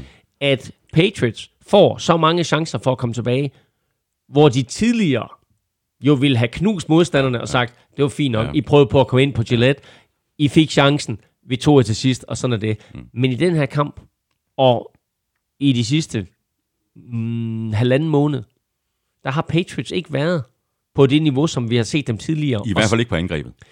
i hvert fald ikke på angrebet. Og, og forsvaret, som så tillader 23 point her på, på øh, er det fire angrebsserier til, øh, til Chiefs, ikke? at de, øh, de er også begyndt at tillade nogle ting. Ikke? Mm, vi så det også mod Deshaun Watson og Texans, og vi så det mod Ravens, at, øh, at, at hvor de havde en fabelagtig start på sæsonen, som måske var mod, mod middelmål eller dårlig modstand, så når de møder de her lidt bedre modstandere, så er de altså ikke helt så skarpe. Vi ser stadigvæk nogle store spil på forsvar. Vi ser stadigvæk et, et blokeret punt øh, fra, fra special teams, så de kommer altid ud med nogle store spil. De får altid nogle store spil. Do your job, mm. apropos. Mm. Ikke? Øhm, men alle de her chancer, som Chiefs giver Patriots, bliver ikke udnyttet. Og det er vi ikke vant til at se fra Patriots. Det er vi bare ikke. Og så er det også tankevækkende, at øh, de to eneste spil, der går over 20 yards for det her Patriots angreb, det er sådan lidt triggery-spil. Ikke? Der er flea øh, til Julian Edelman mm. på, på åbningsdrivet, og så var der senere i kampen øh, et, et kast fra James White til øh, Jacoby Myers. Ikke? Mm. Det er de to eneste spil, der går over 20 yards. Og vi er vant til at se Patriots være frække og kalde et uh, trickspil hister her. Mm. Men jeg synes ikke, vi er vant til at se dem kalde to trickspil, og jeg synes ikke, vi er vant til at se dem på den måde være en lille smule desperate på at få ting til at ske, når Josh McDaniels han åbner sin playbook op på den måde, mm. og han ikke får mere ud af det, end han gør, så tror jeg godt, vi kan tale om krise. Og vi ser igen Patriots, eller vi ser igen Tom Brady, prøve at kommunikere med sin receiver. Der er på et tidspunkt, hvor han kaster en bold ned igennem midten af banen, og man tænker, hvem kaster han til? Og så fokuserer kameraet på ham, og så står han sådan med armen og viser, du skal løbe den vej. Ikke? Mm. Øh, og øh, helt tydelig miskommunikation, hvor den erfarne quarterback, han ved præcis, hvad han vil have, og de der unge receiver, der løber rundt ude, de aner ikke, øh, hvor de skal løbe hen. Øh, og igen er det de her øh, læsespil, hvor det sådan, at det ikke er givet på forhånd, hvor Det man er skal løbe godt hen. nok sent på sæsonen, ikke har fået styr på det, ikke? Jo, men altså, øh, de har også, du ved, så hiver de en Antonio Brown ind, ikke? og så har de en Philip Dorsett, der er skadet, og så videre, og så videre, ikke? Altså, det, altså timing er, timing er træning, mm. ikke? Du har timingen på, på, på alle mulige timingruter, men du har også de her læseting og sådan noget, og alle skal bare læse det samme på samme tid. Mm. Øh, jeg kunne komme med mange eksempler igennem tiden, ikke? Men øh, øh, et af de bedste øh, er selvfølgelig fra, fra øh, en, en Super Bowl med, med, med Steelers og Cowboys, hvor, øh, hvor Neil O'Donnell han kaster to interceptions og får skylden for de to interceptions, men det er helt tydeligt af receiveren, som ikke løber den rigtige rute. Ja. Øh, så, så på den måde ikke, der drejer det sig om at læse de samme ting, og... Øh, Larry Brown griber de her to interceptions fra Neil O'Donnell og returnerer i hvert fald den ene øh, til touchdown øh, og bliver kampens MVP. Øh, men de var kastet lige til ham, fordi receiveren ikke løber den rigtige rute. Og det er sådan nogle ting der, øh, hvor, hvor Brady helt sikkert ved, hvad han vil have, men receiverne bare stadigvæk ikke er der. Og det er ting faktisk, som kan nå at justeres på de næste tre uger, kan nå at justeres inden slutspillet. Så inden man afskriver Patriots, Der er ingen, så, der lad afskriver os, så lad os Patriots. bare lige blive enige om, Ja, ja. det her det kan nå at justeres. Mm-hmm. Og Patriots, de er 10-3, de spiller ud mod øh, Bengals. Det er i hvert fald en kamp, der skal vindes. Og så er Chiefs, de er 9-4, og de får besøg af Broncos. Og så har vi øh, faktisk endnu et øh, topbrag i AFC. Bills mod Ravens. Den kamp endte med den 9. sejr i træk til Ravens. De vandt med 24-17, men øh, Bills gjorde faktisk den her kamp spændende. Øh, mere eller mindre til det sidste, ikke? Det gjorde de, og øh, en af grundene til det var, at deres forsvar spillede godt, fordi deres angreb øh, haltede, og jeg synes, at Josh Allen haltede. Øh, og det gjorde han, fordi han var øh, desværre lidt upræcis. Josh Allen havde nogle chancer. Josh Allen fik præcis, og Bills fik præcis det, de gerne ville have mm øh, imod det her Ravens-mandskab. Og det var nogle en mod en situationer nede ad banen. Og øh, vi ved, at Josh Allen har den der kanonarm. Altså, der er ikke det kast, han ikke kan levere. Problemet er bare, at han er upræcis. Ja, og så virker det må, måske også som om, at hvis, øh, hvis øh, modstanderens forsvar tager John Brown ud af angrebet, som Ravens gjorde i den her mm, kamp, mm. Jamen, så, virker det, så virker det lidt som om, at Josh Allen og, og, og Bills angreb, at de ikke rigtig har en plan B eller en plan C, et eller andet, som de kan gøre. Ja, måske. Øh, det har jeg ikke tænkt så meget over. Jeg så, bare, at de kast, som, øh, som Josh Allen havde, hvor, hvor han havde en fri receiver, jamen der kastede han lige de der 2-3 yards for langt.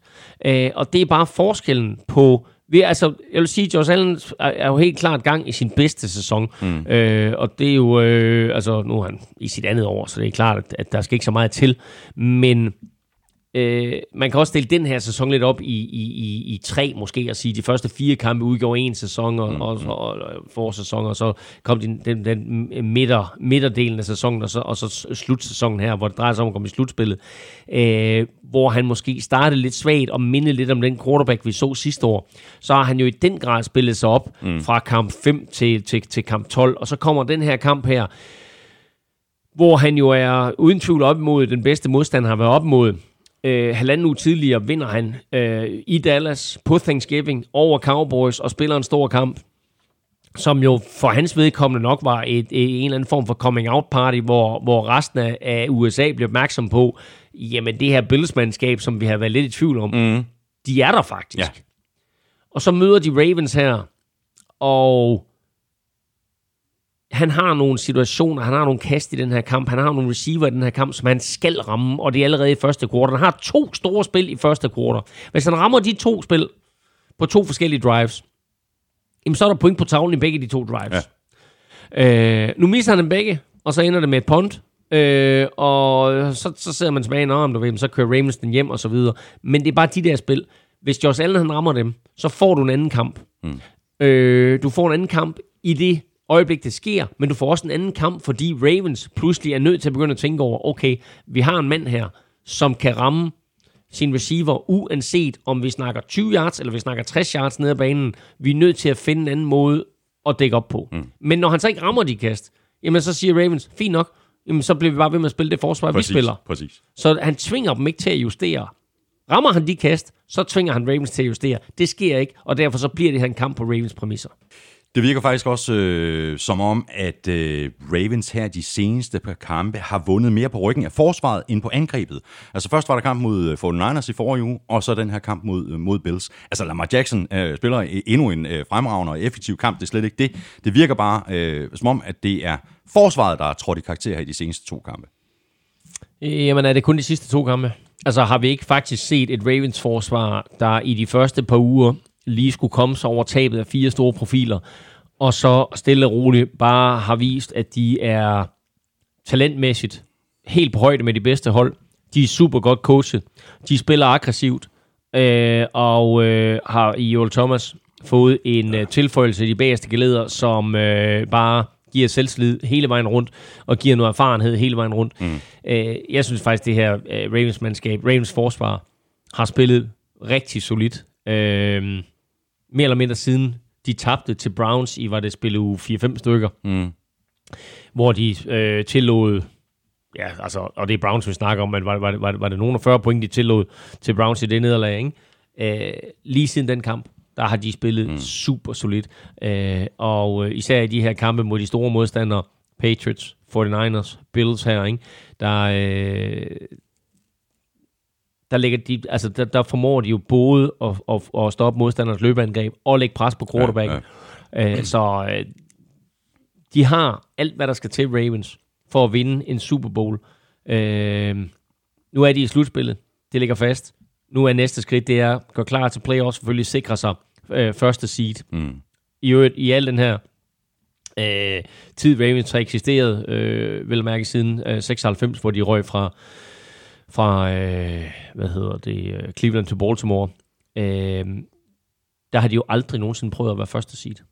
Så det vil være første gang i klubbens historie, hvis de bliver første seed, får lov til at sidde over øh, og gøre klar til, til, til slutspillet, og få slutspillet på hjemmebane. Mm-hmm. Det bliver ikke noget nemt sted at spille i det gør det Baltimore. ikke, du. øh, og øh, som jeg var ved at sige før, så, så har de altså hele pakken, både angreb og forsvar, og så skal man lige lægge mærke til, at deres head coach jo er tidligere special teams koordinator, så det er ikke som om, at øh, de er helt ude efter på special teams. Nej, nej, ikke. Christian Hallas øh, skriver, øh, hvad er det, øh, som Lamar Jackson lykkes med, som Michael Vick aldrig kunne? Er det et øh, spørgsmål om attitude, eller hvad? Nej, det, det synes jeg ikke. Jeg synes heller ikke, at han gør noget, som Michael Vick ikke kunne, fordi Michael Vick jo også var helt spektakulær, da han kom ind i ligaen. Han nåede det også frem i uh, NFC-finalen, gjorde han ikke? Han var i NFC-finalen, ja. øh, og mener, de tabte til... Var det, var det Eagles, de tabte? Det var Eagles, de tabte til. Nej, jo, jo, det var Eagles, de tabte til. Nej, han spillede sgu da for Eagles. Hvem mm. var det? Hvem var det? Nej, han spillede for Falcons selvfølgelig. Han var quarterback for Falcons, og de tabte til Eagles i Mm, NFC-finalen. Det år, hvor Eagles de så tabte til Patriots i Super Bowl. Øhm, og øh, Michael Vick var god. Øh, Michael Vick havde en tendens til, som vi har nævnt et par gange også, at tage lidt flere skrald, end øh, Lamar Jackson gør. Så Lamar Jackson øh, er god til at beskytte sig selv, og skal faktisk blive endnu bedre, selvom han er, i forvejen er god. Og så en lille sidehistorie her, det er, jeg læste bare lige i morges, at Lamar Jackson faktisk øh, bøvler lidt med øh, en fibersprængning. Øh, det er helt præcis, hvor det er, han ved jeg ikke, men jeg så bare lige, at han har fået en øh, fibersprængning af en art. Så øh, han er meldt tvivlsom til weekendens kamp, men øh, tvivlsom NFL betyder med stor sandsynlighed, ja, Ja, at du spiller. Men det ville være rart for Ravens, at de så hurtigt som muligt kan sikre sig det her første seed. Er du tosset? Så de måske kan sige, okay Lamar, du behøver ikke at spille i den ja. sidste uge eller de sidste to uger. Fordi hvis han går og bøvler med et eller andet, jamen så giv ham et par ugers pause og gør ham klar til slutspillet. Ja. Ja, er du tosset? Det er det eneste rigtige. Så han er questionable, han er ikke doubtful. Præcis. Fordi doubtful, det betyder næsten med sikkerhed, at man ikke kommer til. Ja, lige nøjagtigt. Ja. Bills, de er 9 og 4. De spiller ud mod Steelers i den øh, sene søndagskamp. Ravens, de er 11 og 2, og de spiller hjem mod Jets, og det gør de øh, natten til fredag. Så har vi Packers, de vandt med 20-15 over Redskins. Øh, Packers kom hurtigt foran, men øh, som vi har set det i øh, flere kampe i år, så går de nærmest i stå på angrebet undervejs. Spørgsmål her fra Jakob Andreas Bløn. Mit spørgsmål handler om Aaron Rodgers. De øh, seneste par år har han varmet bolden ekstremt meget. Er det hans receiver, der ikke er god nok, eller er han bare for bange for at kaste en interception og leder efter det perfekte spil? Handler det bare om, at han stadig skal vende sig til LaFleurs playbook, eller kører han sit eget race? Det ser nogle gange sådan ud. Jeg tror, lidt en kombination, øh, fordi jeg synes jo egentlig, at, at, at vi har hørt fra, fra Green Bay, at, at øh, Aaron Rodgers og, og Matt LaFleur har fundet ind i et, et, sådan en, en, en, et fint samarbejde, og der er en gensidig respekt mellem de to. Øh, og vi har da også til tider set, at, at det her angreb, det bliver, det bliver foldet fint ud, men vi har også set, at LeFleur er virkelig, virkelig dygtig til at designe de første 20-25 spil. Mm. Øh, og så måske knap så dygtig til at bruge de 20-25 spil til at finde ud af, hvad er det, vi skal herfra. Fordi vi har set dem starte som lyn og torden i rigtig mange kampe i år. Øh, og så ikke rigtig fundet ud af det derefter. Præcis. Øh, og så har du selvfølgelig den, øh, den faktor, der hedder, at Aaron Rodgers på, øh, øh, på, på magisk vis jo får skabt nogle spil, hvor man tænker, det er han den eneste, der kan skabe, men det ofte sker på baggrund af noget improvisation, hvor han måske oftere burde blive inden for systemet og sige, jamen fint nok, hvad er det, LeFleurs system betyder? Det betyder, at jeg skal kigge efter ham der. Hvis han ikke er åben, så skal jeg gå til ham der. Og hvis han ikke er åben, jamen, så kaster jeg min outlet herover. Mm. Og det var lige præcis øh, forskellen på det gamle system og så Matt LaFleurs system. Altså, Rodgers skulle blive mere en systemets mand end Præcis. sin egen mand. Ja, og det har han nok lidt svært ved. Så øh, når det ikke lige øh, går øh, på den måde, som han tænker, jamen så står han og varmer bolden lidt, og så tænker han, jamen jeg har altid været øh, dygtig til at kunne improvisere og skabe et eller andet på egen hånd og lave et eller andet fuldstændig vanvidskast. Øh, og det leder han lidt for meget efter. Og øh, når det så ikke sker, jamen øh, så jeg vil ikke sige, at han ikke er komfortabel i systemet, fordi, i systemet, fordi selvfølgelig er han det, men vi ser bare, at Redskins er i stand til at lukke ham ned. Fra de, de, de første to angrebsserier, der scorer de touchdown, og så står det 14-0, og så laver de altså 6 point resten af kampen. Ja. Øh, og derfor så kommer Redskins tilbage i den her kamp. Og øh, jeg sagde jo i sidste uge, øh, at øh, odds øh, 7-20 på Redskins var et fabelagtigt odds, og det var jo lige ved, at det gik hjem det her. Ikke? Altså, kampen ender 20-15, og Redskins har jo chancen for at vinde opgøret. Ja. Øh, nu lykkes det ikke, og, og, og Packers får selvfølgelig sin pligtsejr, men det er bare, må, må bare være bekymrende for, for, for Packers, at de ikke formår at lukke kampe som den her, og at en modstander som Redskins, der på papiret burde være så meget dårligere, mm. at de ikke formår med to scoringer lynhurtigt, at de ikke formår bare at, at køre dem stille og roligt hjem. Mm. Er, er, er der i virkeligheden uh, tale om, uh, nu skal man selvfølgelig uh, være varsom med, med sit ordvalg, men er der, er der tale om en, en krise på samme måde uh, hos Packers, som der er i Patriots? Altså, de fører stadigvæk divisionen, mm. uh, men der venter uh, tre meget, meget spændende uh, kampe, altså i NFC North. Uh, de, mangler, uh, de mangler Vikings, uh, og de mangler også, og de spiller mod Bears i, Spiller mod i Bears kom- den kommende weekend, Ja, så har præcis. de Vikings, så har de Lions. Ja, præcis. Ikke? Så de slutter af med tre divisionsopgør. Mm. Og øh, de scorede 10 point i spil U1 imod, imod Bears. Og øh, de møder Bears-mandskab, som kommer ind igen med kniven på struben, og øh, som kommer fra en stor sejr over Cowboys, og som bestemt ikke bliver nogen nem modstander. Um, så den kunne de godt gå hen og tabe. Og så er det klart, at det der juleaftens opgør der, eller øh, natten til juleaften i hvert fald, Monday night den 23. december, at øh, mod Vikings, at den blev super, super spændende. Mm. Altså et, kan den afgøre, hvem der vinder divisionstitlen. To, kan den jo rent faktisk gå hen og afgøre, om Packers overhovedet kommer i slutspillet. Øh, hvis selvfølgelig de har tabt til Bears. Men altså, det, det, det, det er bare nogle, nogle, nogle, nogle vilde scenarier, vi er ude i. Øhm, og øh, jeg vil på ingen måde sige, at de, er på, at de er i krise på samme måde som Patriots.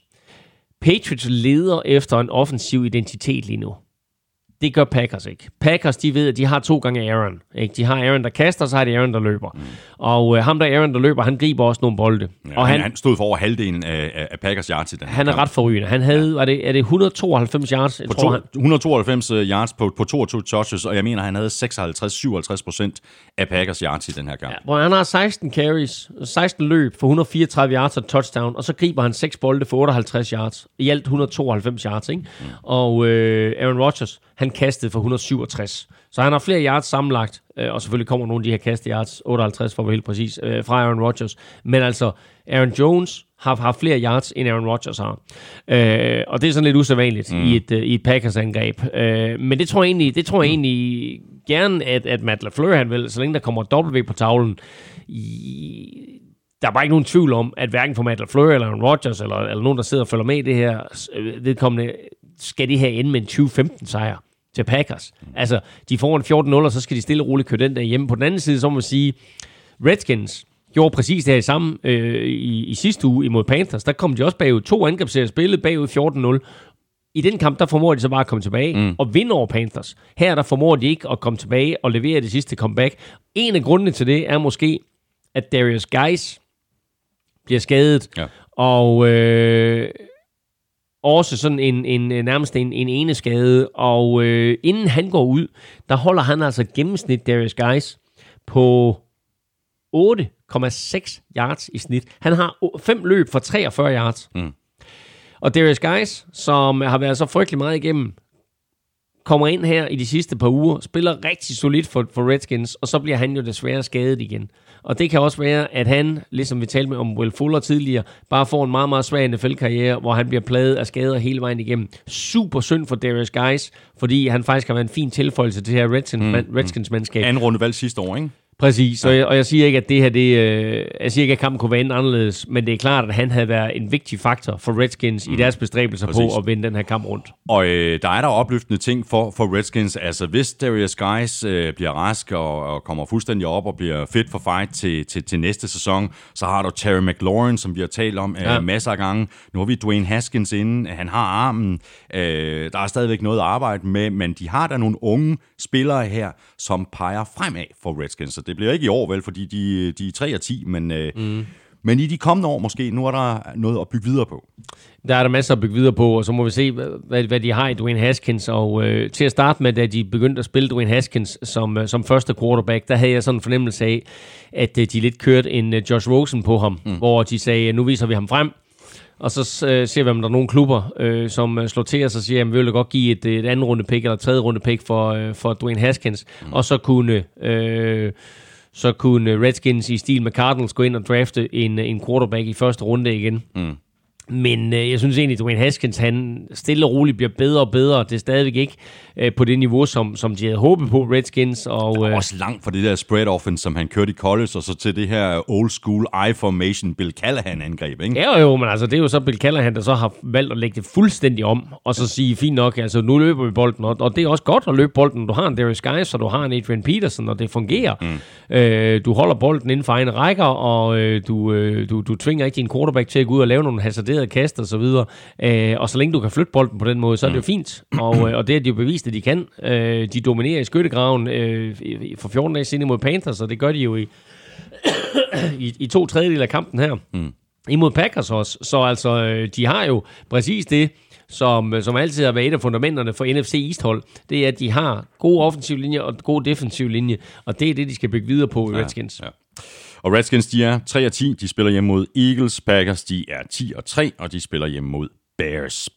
Vikings, de kom igen oven på øh, deres nederlag i forrige uge øh, til Seahawks med en øh, let sejr på 20-7 over division, divisionsrivalerne for Lions. Lions fik deres øh, touchdown til allersidst i kampen, og med sådan lidt mere effektivitet fra Vikings i red zone undervejs, så kunne sejren uden problemer være blevet endnu større. Altså, det her det er jo ikke nogen prangende indsats af Vikings, men det, der imponerede mig, og det, der øh, gør, gør, gør mit, mit, lille, mit lille hjerte øh, glad, og det banker lidt hurtigere, det er, at det her, det var bare effektivt. Mm. Det var stille og roligt bare, du ved, vi scorer nogle point, I scorer ikke nogen point, vi scorer nogle flere point, I scorer ikke nogen point, vi scorer lidt flere point, om nu er vi så langt foran, I ikke kan komme tilbage, mm. vi bliver ved med at score point, og fik et touchdown, om skide hvad med det, vi er stadig foran.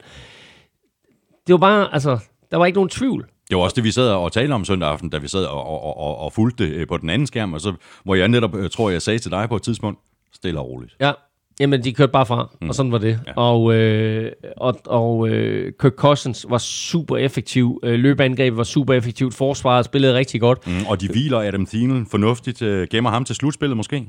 Altså, så længe, så længe at de kan holde Adam Thielen ude, og han får lov til virkelig at, øh, og, og, øh, komme sig oven på den her fiberspringende i baglåret, øh, så jo, jo, jo flere uger han kan få øh, uden for banen, jo bedre. Fordi sådan en fibersprængning, ikke? Altså, du ved aldrig, hvornår den popper igen. Nej. Og øh, du, kan, du kan tro, at du er klar, og så kommer du tilbage, og så popper den, fordi øh, der skal ingenting til med sådan en fibersprængning.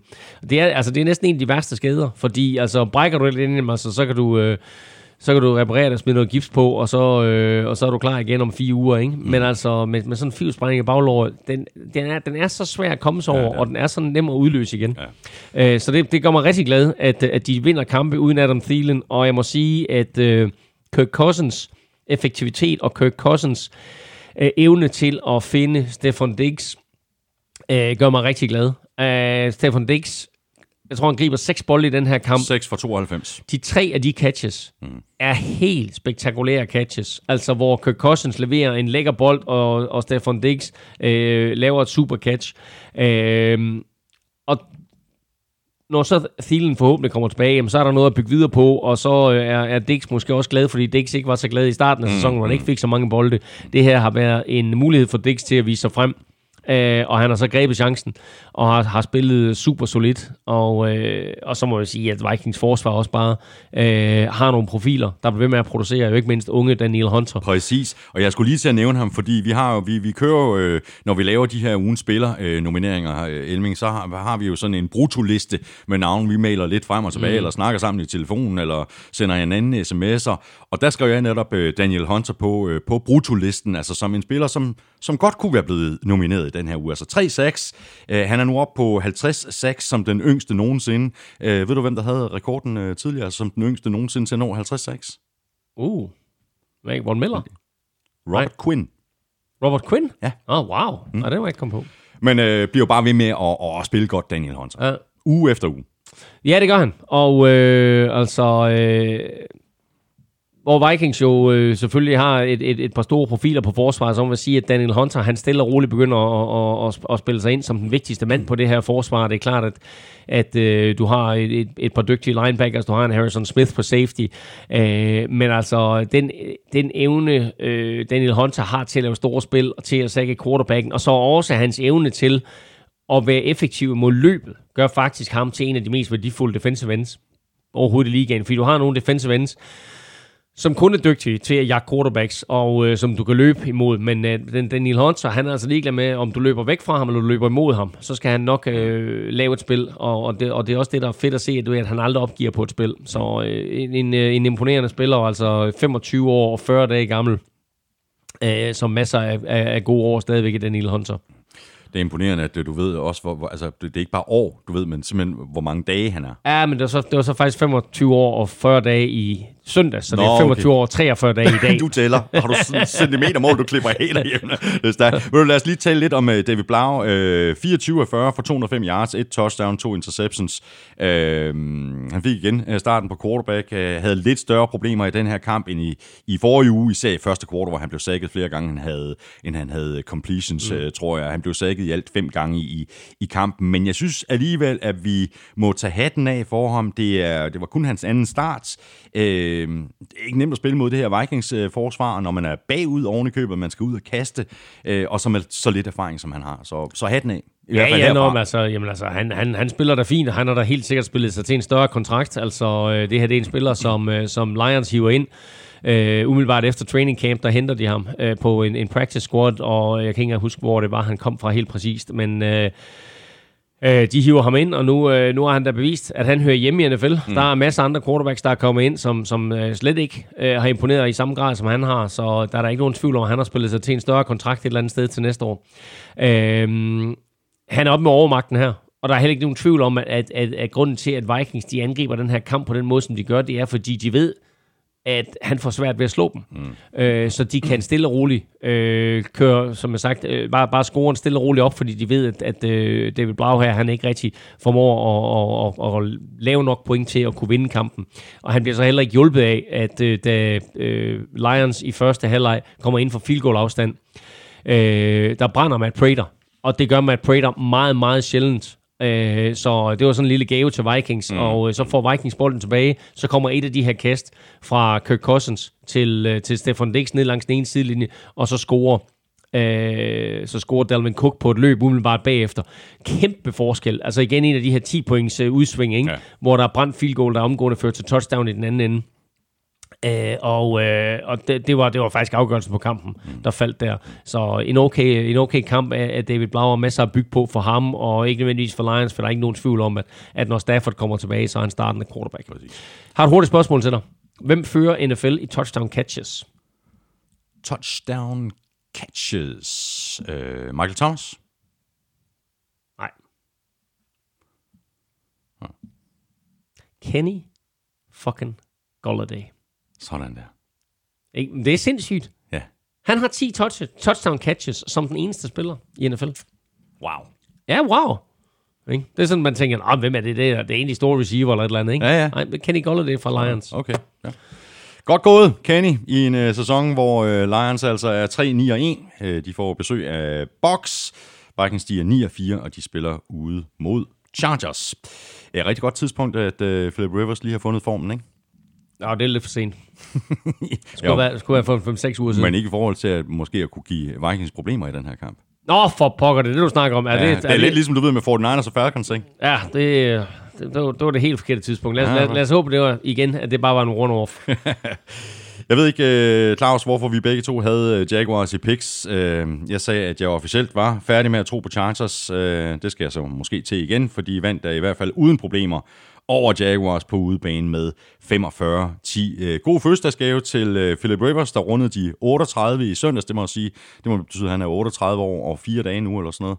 I, Tre tre, dage. tre dage, ja. ja. Nej, det er du styr på. øhm, og altså, efter at der var nogen, der, der taler om, at Rivers måske skulle en tur på bænken, så spillede han en rigtig god kamp. øh, 16 af 22 for 314 yards og tre touchdowns, inden han så blev taget ud af kampen. Ikke fordi han spillede dårligt, men fordi at de førte så meget. Øh, og så kom uh, Tyra Taylor ind i stedet for. Jamen, altså, prøv at høre, 314 yards og tre touchdowns på 22 kast. Ikke? Altså, øh, suveræn dag for ham, ikke? Og det er klart, at han bliver også hjulpet lidt af, at han lige kaster et 84 yard touchdown til Austin Eckler, hvor, hvor, hvor, hvor, hvor de sidste øh, øh, 70 yards på det catch selvfølgelig var Austin Eckler selv. Men øh, det var i øvrigt karrierens længste mm. for, øh, for Philip Rivers. Så øh, på sin 38-års fødselsdag, der øh, fik han øh, en gave i form af det længste touchdown. Han fik en øh, gave i form af en, en helt igennem spektakulær kamp. Han fik en gave i form af en sejr. Og så blev de officielt elimineret fra slutspillet. Ja, ja. Så øh, det var ikke øh, det var ikke den sæson, han havde håbet på. Det var en fin fødselsdag for ham, men, øh, men altså, øh, som vi talte om lidt tidligere, ikke? Altså, prøv at høre, de har tabt alle deres kampe med et touchdown eller mindre, og de kunne sagtens have været i spil til en slutspilsplads. Og igen, så er den her sæson bare smidt på gulvet. Mm.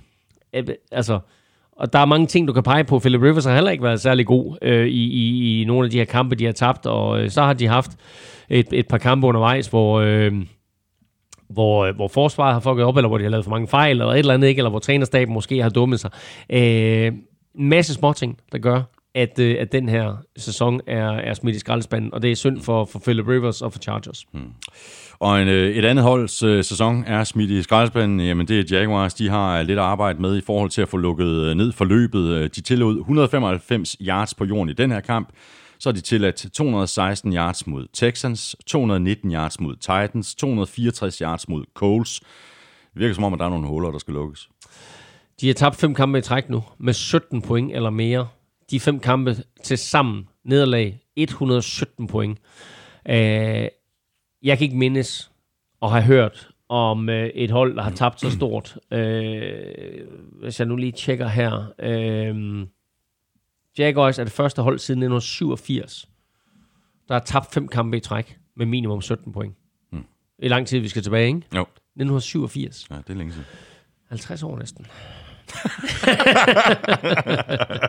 Nå, Ja, øhm, Gardner Minshew var tilbage som quarterback. Øh, det var ikke nødvendigvis positivt.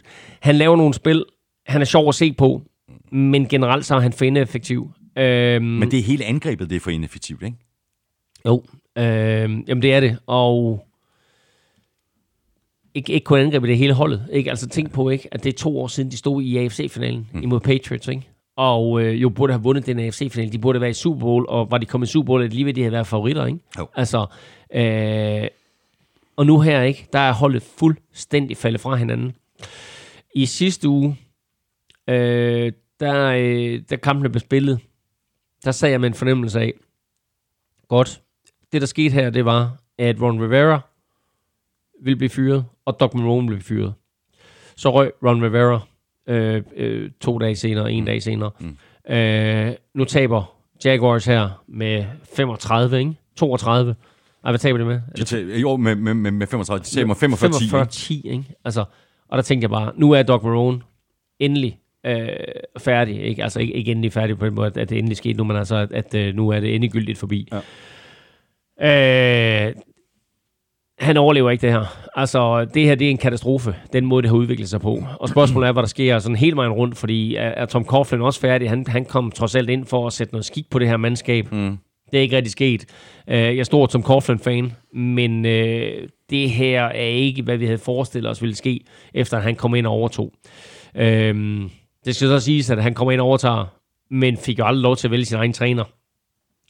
Det kan være, at de fortsætter med Tom Coughlin, så får han lov til at vælge sin egen træner, som, ja, ja. som måske er, er, er lidt mere i den retning, han gerne vil gå i. Men øh, det her har været en katastrofesæson for, for, for Jaguars, og ikke bare den katastrofesæson for Jaguars, det er, jo, det er jo en af de værste afslutninger overhovedet, vi har set i NFL. Ja, altså som, som sagt ikke, altså siden 1987 er der aldrig sket det, det Jaguars lige har præsteret i negativ forstand.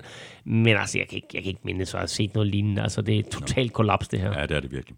Og det er meget mærkeligt, fordi der er øh, en, en del af de, altså det her Jaguars forsvar var jo bare så øh, ekstremt giftigt for, for to år siden, og der var stadig masser af de samme øh, spillere tilbage. Det, det er noget mærkeligt noget, øh, når den her nedadgående spiral, altså det er sådan noget anti-momentum, øh, der kommer ind, og hvis det først får lov til at sætte sig, jamen så er det del med svært at få, få vendt skuden igen. Jaguars, de er 4-9, de spiller ud mod Raiders. Chargers, de er 5 8, og de spiller hjemme mod Vikings. Så har jeg en, en uh, enkelt ting, jeg lige vil uh, sige her, det er, at Austin Eckler jo uh, faktisk uh, har gang i en rigtig, rigtig flot sæson for, for, for Chargers. Han har uh, 100 yards på jorden, og han griber 100 yards i samme kamp, og det er faktisk uh, ret sjældent, uh, det sker. Uh, ved du, hvem den sidste Chargers-spiller, der præsterede det var? Der har øh, altså over 100 yards på jorden og, øh, og 100 yards i luften i samme kamp. Ja. Og ikke noget med touchdowns eller sådan noget. Han skulle også Nej, nej, bare, bare 100 yards. Nej, Nej. pas. Øh, jeg kan ikke huske det. øhm, men det var tilbage i øh, 80'erne engang, og det eneste, jeg vil sige med det, det er, at LaDainian Tomlinson aldrig gjorde det. Og det siger lidt om, hvor vildt det er, at øh, Austin Eckler, han gjorde det. Og LaDainian Tomlinson gjorde det ikke, selvom han spillede for Oh! San, San Diego Chargers. Gjorde nemlig lige præcis. Men ved du hvad, jeg overvejede faktisk Ladanian, men vi havde et Ladanian spørgsmål her for en uge siden, eller to uger siden, og så der læste jeg nemlig op på noget statistik. Ja. Og der var jeg netop inde omkring den der statistik, og der kunne jeg bare konstatere, Ladanian gjorde ikke det her. Præcis. Så det var derfor, jeg ikke sagde Ladanian. San Diego, Superchargers, San Diego. Chargers! Det er godt, du kalder på den, og, øh, når jeg ikke selv husker det. Så, jamen altså. Nødt til at finde på et eller andet for at få den spillet, jo. men, ja, men altså, det var bare, jeg synes bare, det er imponerende, ikke? At Austin Eckler, han har 100 plus 100, ikke? Uh, som er, er, er, en sjældenhed i NFL, og uh, så dels en sjældenhed for Chargers. Og især, når så man tænker på, hvor mange bolde Ladanian Tomlinson han greb i sin karriere. Uh, havde en enkelt sæson, Ladanian, med uh, 101 catches, mener jeg, det var. Uh, og selv der, ikke? Uh, I den sæson, der, der havde han altså ikke nogen kampe, hvor han kom over 100 yards på jorden, eller på i grebne bolde. Nej, vildt. Så mangler vi bare lige en enkelt kamp. Øh, Titans, øh, de fortsætter bare med at vinde øh, kampe. 42-21 ud over Raiders. Og jeg synes simpelthen bare, det er så fedt, det der er sket med det her hold, efter de har skiftet Marcus Mariota ud med, med Ryan Tannehill. Det sad vi også og, og, og, snakkede lidt om i, i søndags. Altså simpelthen bare en, en glæde på, på, på Titans vegne og på Titans fans øh, vegne. Øh, og det har ikke noget med, med Raiders at gøre, men det er jo bare fantastisk, hvad der er sket her i, i de seneste halvanden måneds tid. Jamen, det er helt vildt, og øh, han spiller jo på et, et usædvanligt højt niveau. Også øh, Ryan Tannehill, hvis du sådan sammenligner, sammenligner ham historisk med det, han præsterer i øjeblikket, jamen, så er han helt op at ringe øh, blandt de allerstørste præstationer set over syv kampe. Mm. Han er 6 1 nu som starter. I den her kamp, der kaster han 391 yards og tre touchdowns. Og øh, piller sådan set øh, Raiders fra hinanden. Øh, Ender med en passer rating på over 140. Det er meget godt. havde han det? Ja. Jamen altså, det er helt vanvittigt. 100, 140,4. Så, øh, ja. så han, han kører bare, og, øh, og det gør han altså uge efter uge, Ryan Tannehill, og øh, han, øh, han, han fordeler bolden godt, og så har han selvfølgelig hjulpet af, at han har øh, Derrick Henry til at løbe bolden, og så har han et, et godt forsvar, som øh, for anden uge i træk lige stepper op i anden halvleg, øh, og øh, så kan man jo vende den om og sige, hvor, hvor, hvor kommer det der fra? Fordi øh, for anden uge i træk, der har de behov for noget, i anden halvleg for anden uge i træk, der går de ud øh, og vinder en kamp rundt. Ikke, ikke nødvendigvis en kamp, de har været i problemer i, men bare en kamp, der er meget lige. I sidste uge var det mod Colts, i den her uge der er mod Raiders. To meget lige kampe, og så går de ud, og så dominerer de totalt begivenheden i anden halvleg. Og der kigger jeg bare lidt på, deres head coach, det er Mike Rabel. Hvilket system? Og hvem, hvor kommer Mike Rabel fra? Han kommer fra New England Patriots. Han er oplært af Bill Belichick, ikke? Var en af hans disciple, en af hans helt store forsvarsspillere, ikke? Og det kan sagtens være den evne, han har taget med sig. Fra vi ved, hvor dygtig Bill Belichick har været til at justere igennem årene i pausen, ikke? Jamen er- det det, vi ser fra Mike Rabel nu? Netop alt det, han har lært, alt mm. det, han har taget med sig fra Belichick, at han er i stand til at gå ind og justere ja. i pausen. Fordi det, vi har set igennem de sidste to uger, har bare været virkelig, virkelig gode justeringer, hvor de er kommet ud med en helt anden energi og en, en uh, helt anden uh, evne til at fjerne uh, modstandernes styrker i anden halvleg, end, end det omvendte har været tilfældet. Mm. Men det er jo faktisk meget sjovt, ved- ved- hvis det forholder sig sådan, at det er øh, på grund af Mike Rabels øh, historie i, i New England, at, øh, at der begynder at komme styr på det. Fordi det er jo altså ikke noget, som, som de her tidligere coaches, der er kommet ud som head coaches andre steder i, i ligaen, har haft specielt stor succes. Altså, de har jo ikke haft specielt stor succes. Altså tidligere Patriots coaches. Nå, men nu kan jeg slet nu kan jeg ikke huske, var, var Rabel inde og være coach omkring Patriots, øh, eller hvor var han henne? Fordi, Nej, det er da rigtigt. Um, nej, det tror jeg ikke, han var. Nej, det var han ikke. Han er bare tidligere spiller, ja, så det kan ja, være, det, det, det kan være, ja, det det. Så det er ikke, øh, han var ikke koordinator Det er rigtigt, hos, hos, det er hos. Patriots. Nej. Øh, men det er mere det her med, at, han, han ligesom som, som, som spiller øh, mm. har været en del af det der. Øh, og bare fordi jeg har været imponeret over de sidste to spiluger her. Øh, altså de sidste...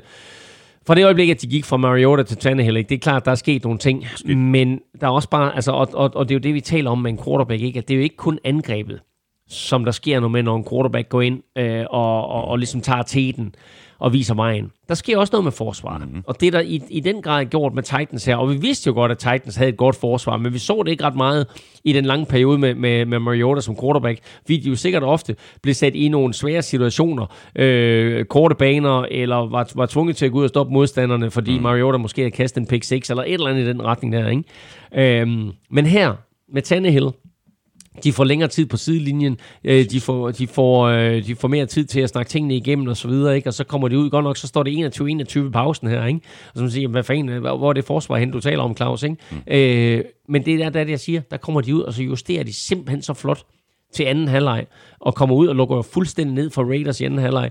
De, to, de tre første angrebsserier i anden halvleg slutter med tre og ud, tre og ud fumble. Øh, og den fumble bliver returneret til touchdown. Der er det allerede slut for Raiders, fordi der har Titans scoret og så videre, ikke? Øh, så fra 21-21 pausen, man tænker, hold da op, en slugfest det her, det her, ikke? Ja. Så går de ud, og så afgør øh, forsvaret kombineret øh, med, med selvfølgelig endnu øh, altså flot spiller Tannehill, at øh, så går de ud og afgør kampen lige i starten af anden halvleg. Mm. Jeg synes sådan set egentlig, at uh, Derek Carr spiller en, en, øh, en OK kamp. Uh, 25 af 34 for 263 yards, to touchdowns. De mangler Josh Jacobs i den her kamp, ikke? Og det gør de helt sikkert. Altså, de kan ikke rigtig løbe bolden. Øh, Han er ude med en skulderskade, Josh Jacobs. Og øh, et, øh, er det selvfølgelig øh, udslagsgivende for dem i løbeangreb, men to, så er det der også noget, vi lige skal tænke over. Hvad kommer der til at ske i forhold til at blive kåret til Offensive Rookie of the Year? Ja. at han ikke øh, færdiggør sæsonen. Nu ved vi ikke, om, om, om han er ude i, i yderligere kampe, men øh, det er ikke positive udmeldinger, der kommer fra Raiders omkring, at han bliver klar til weekenden. Øh, og så skal vi pludselig til at kigge i en anden retning. Fra Offensive Rookie of the Year er det så pludselig Kyler Murray, på trods af, at han kun har vundet tre kampe, men mm. altså, øh, er der andre, øh, vi, er andre, vi skal kigge i, i retning af. Øh, Derek Carr har en, en fin kamp, som du siger, men han begår en fejl igen i den her kamp, som, øh, som jeg simpelthen ikke forstår, og vi har, vi har pointeret det før, at han gør det. Og det er, at han på et tidspunkt, hvor Raiders går efter ham på fjerde down, altså kaster han den væk. Hmm. Godt nok så er han under pres, og øh, han tænker, øh, jeg skal slippe af med den. Men altså på fjerde down, Der er, du, der, er du, der er du allerede i desperationsmode. Mm-hmm. Ikke? Så kan du godt kaste et desperationskast. Jamen, så, så kaste den ned ad banen, og så... Så kan du sgu ikke kaste den ud over sidelinjen. Nej, så kaste den ned ad banen, og så Ikke? lade den blive interceptet dernede, i stedet for at, at lave turnover on downs. Fuldstændig tåbeligt. Øh, så, og det er ikke første gang, Kæren har gjort det. Jeg tror, vi talte om det samme øh, på, på et tidspunkt sidste år. Og jeg ved ikke, om det er, fordi det ligger så indgroet i en quarterback, at, at, at du ved, de træner jo gang på gang, du ved, at under pres, du så kommer du herud, så kaster du ud over sidelinjen. Mm, mm. Men øh, der skal man altså lige træne, okay, nu er det fjerde down, nu kaster du ikke ud over sidelinjen. Øh, men ellers, ja, han spiller en rigtig, rigtig fin første halvleg. Derek Carr. Ja. Og så går det som sagt lidt i stå i anden halvleg. Øh, om, det er, øh, om det er Raiders og Gruden og, og, og Derek Carr, der går i stå, eller det er som sagt er de her justeringer fra Titans, som er øh, øh, på et andet niveau end, end, end, end Raiders øh, justeringer. Det, øh, det skal jeg da usagt med. Jeg var i hvert fald øh, meget imponeret over Titans indsats i den her kamp, og især i anden halvleg. Ja, og Raiders, øh, de spiller en rigtig, rigtig vigtig kamp i den, øh, i den kommende weekend. En super vigtig kamp, især for fansene, fordi det her det er den sidste hjemmekamp mm. på The Coliseum. Så øh, om ikke andet, så for fansenes skyld, så er det simpelthen bare en kamp, der skal vindes. Den skal vindes, og så er modstanderen øh, Denver Broncos, og øh, det er jo et, et divisionsopgør, men det er også et, et, et opgør mod en... Øh, er det ikke den, Denver Broncos? Nej, er det ikke Jaguars, de spiller mod? Undskyld, det er Nu Jaguars. kommer jeg der i tvivl. Nej, nej, du har ret. Det, er Jaguars. Det er Okay. Jaguars. Det er Jaguars. Ja, den skal de vinde. Jeg ved ikke hvorfor. Det, det, nå, jamen, det var fordi, jeg lavede, jeg lavede den samme, fejl tidligere, øh, fordi jeg sad og skrev med momentometer, og sagde, mm. kæft hvor er det fedt, de skal spille mod Broncos. Men det er rigtigt. Det er Jaguars. Så der er der masser af muligheder for at vinde en, en kamp her. Ja. Så øh, det er Sidste kamp på Coliseum, inden de rykker til Vegas. inden, inden de rykker til Las Vegas. Ja. Altså, 6 og 7 er Raiders. De spiller hjemme mod Jaguars, det blev vi enige om. Og Titans, de er 8 og 5, og de får besøg af Texans. De to- Super, super vigtigt. To, øh, to ting her. Et, vi nominerede uh, rookie receiver A.J. Brown mm. Øh, til ugens spiller, og det gjorde vi, fordi han øh, gav fem bolde for 153 yards og to touchdowns. Øh, Blandt andet i et kast på 91, altså et touchdown på 91 yards. Præcis. Ja. Så, så vi der havde, var flere lange vi havde, touchdowns vi havde et par her. meget lange touchdowns. Vi havde en 84, og vi havde en 91, og vi havde en 94 øh, her i, ugens, øh, i, i weekenden. Ikke?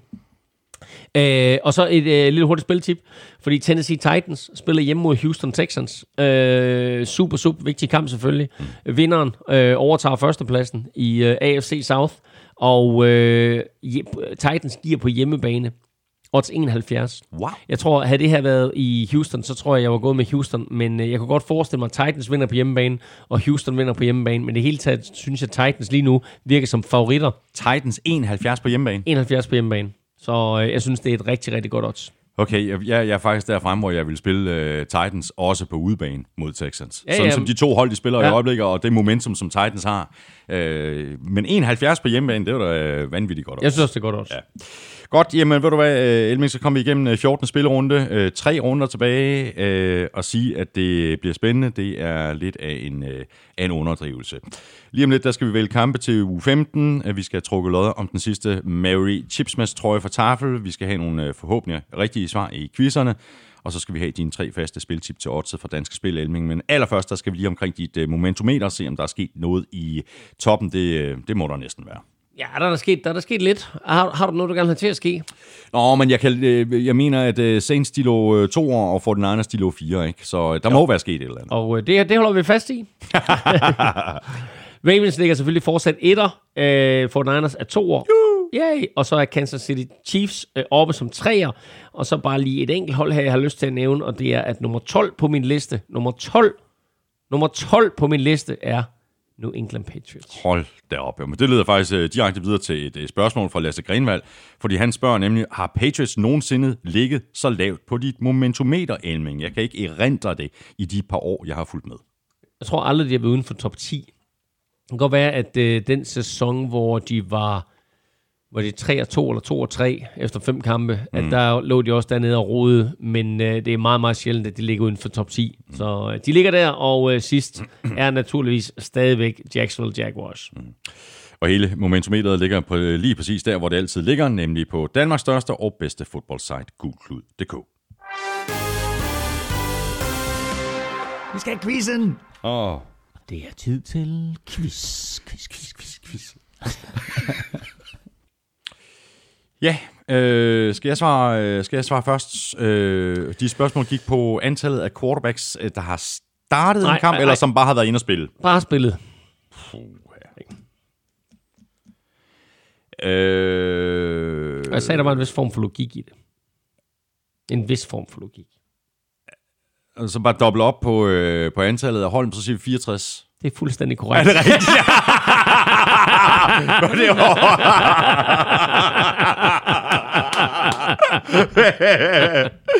Nå, det er stærkt, men så taler vi ikke mere om det. Ja, det, er- det, er- det er godt. Jeg fik bare, at der var et point. Åh, oh, jamen det er skide godt. Jamen så er der det, quizzen. Ja. Vi har gang i Der nogle... er ingen øh, logik. Vi, nej, vi har gang... Ah, men du har nogle gode bud. Uh, Travis Kelsey overhalede Antonio Gates og er nu mm. på anden pladsen over flest tight end receiving yards i løbet af spillerens første syv sæsoner. Ja. Hvem er på første pladsen? Tony Gonzalez. Ved du hvad, det var et rigtig godt bud. Det er bare forkert. Mm.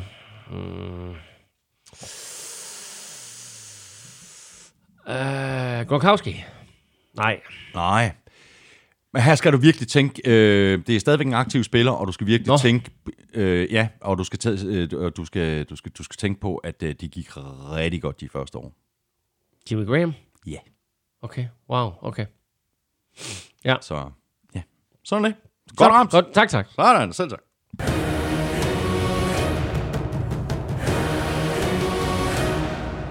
Money in the Bank, ugens bedste bet og ugens overraskelse. Dine tre skarpe til oddset fra Danske Spil. Elming, hvordan lyder de? Jamen altså, Baltimore Ravens spiller hjemme mod New York Jets, og uh, Ravens giver odds uh, 1-10 igen for en sejr over Jets, og det er naturligvis Money in the Bank. Og uh, kan de vinde med uh, 8 point, så er der odds 1,35 igen. Mm. Ugens bedste bet. Pittsburgh Steelers spiller hjemme mod Buffalo Bills. Steelers er favorit til odds 1,72, men jeg synes simpelthen Buffalo Bills til odds 2,30 er et vanvittigt godt odds. Men det er det hele taget øh, gode odds, både på, på hjemmehold og udhold der, ikke? Jo, det er som man ser det jo. Altså, øh, hvis, hvis hjemmeholdet vinder, og du har det odds, så er det et godt odds. Og hvis Ja, ja, udholdet vinder, og du har det odds, så er det Ja, så er det endnu bedre odds. Og har du øh, uafgjort til odds 14, når den bliver uafgjort, så er det endnu bedre.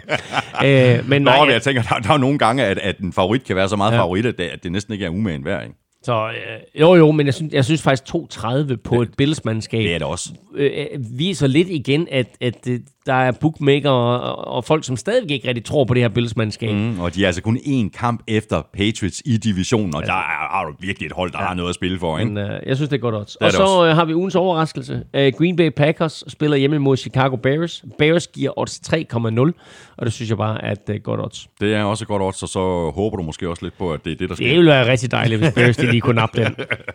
Godt, jamen det her, det var de øh, tre sædvanlige, og selvfølgelig som altid skarpe spiltip fra Elming, som du kan bruge på øh, Oddset fra Danske Spil, enten på Oddset.dk eller inde i øh, Oddset-appen. Og det er også der, at du skulle tage at tjekke tips 12'eren ud, udelukkende med fodboldkampe.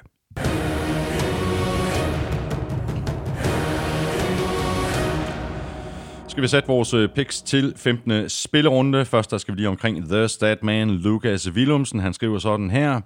Thomas åbnede i sidste uge døren på klem for et late season comeback fra Claus, men valgte i den her uge pænt at lukke døren igen. Thomas vandt runden 12-9 og udbygger dermed sin føring til hele 135-124 med blot tre runder tilbage af grundspillet.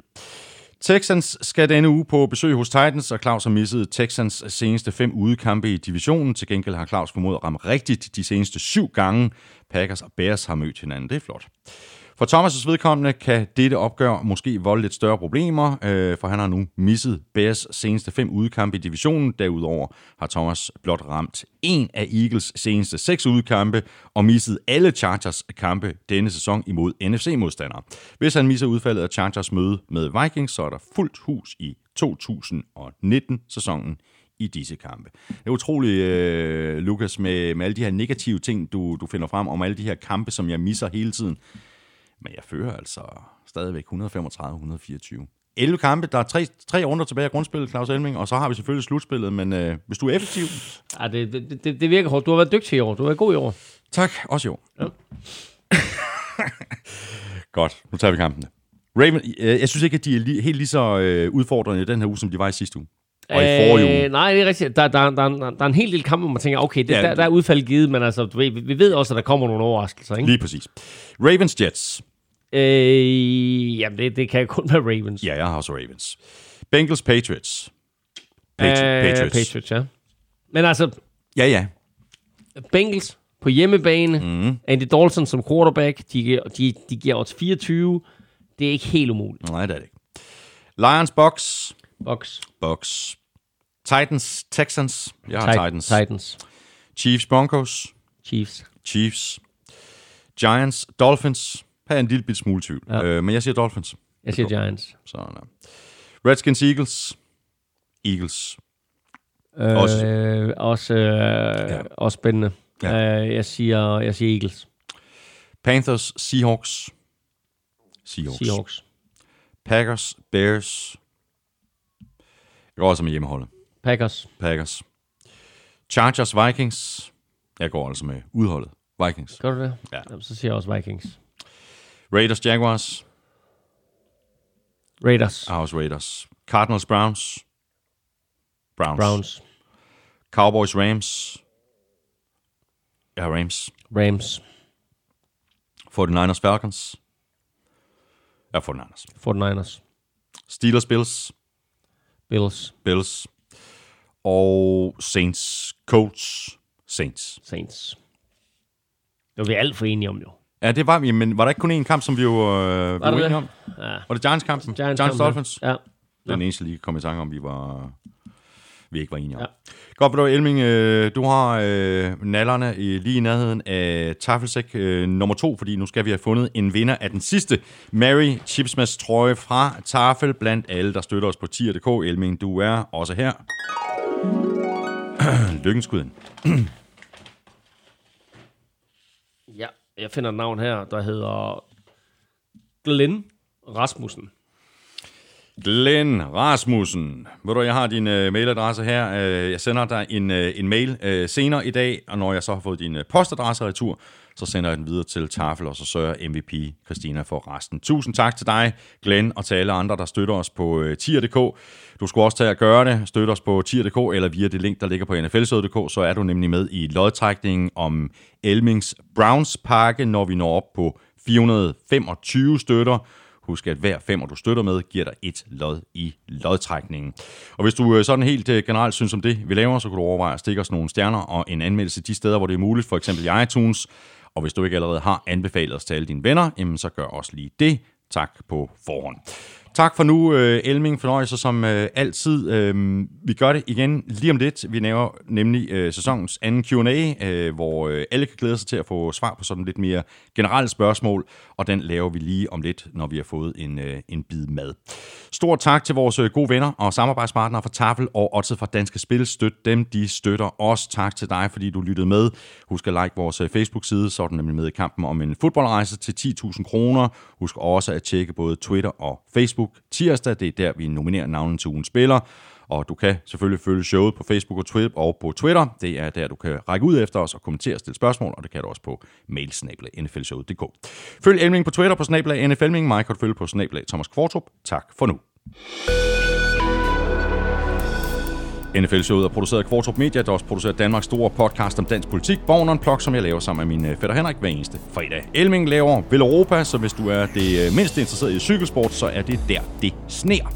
Vi er tilbage, Elming og jeg, lige om lidt. Ha' det godt så længe, eller så kort. Hot hot.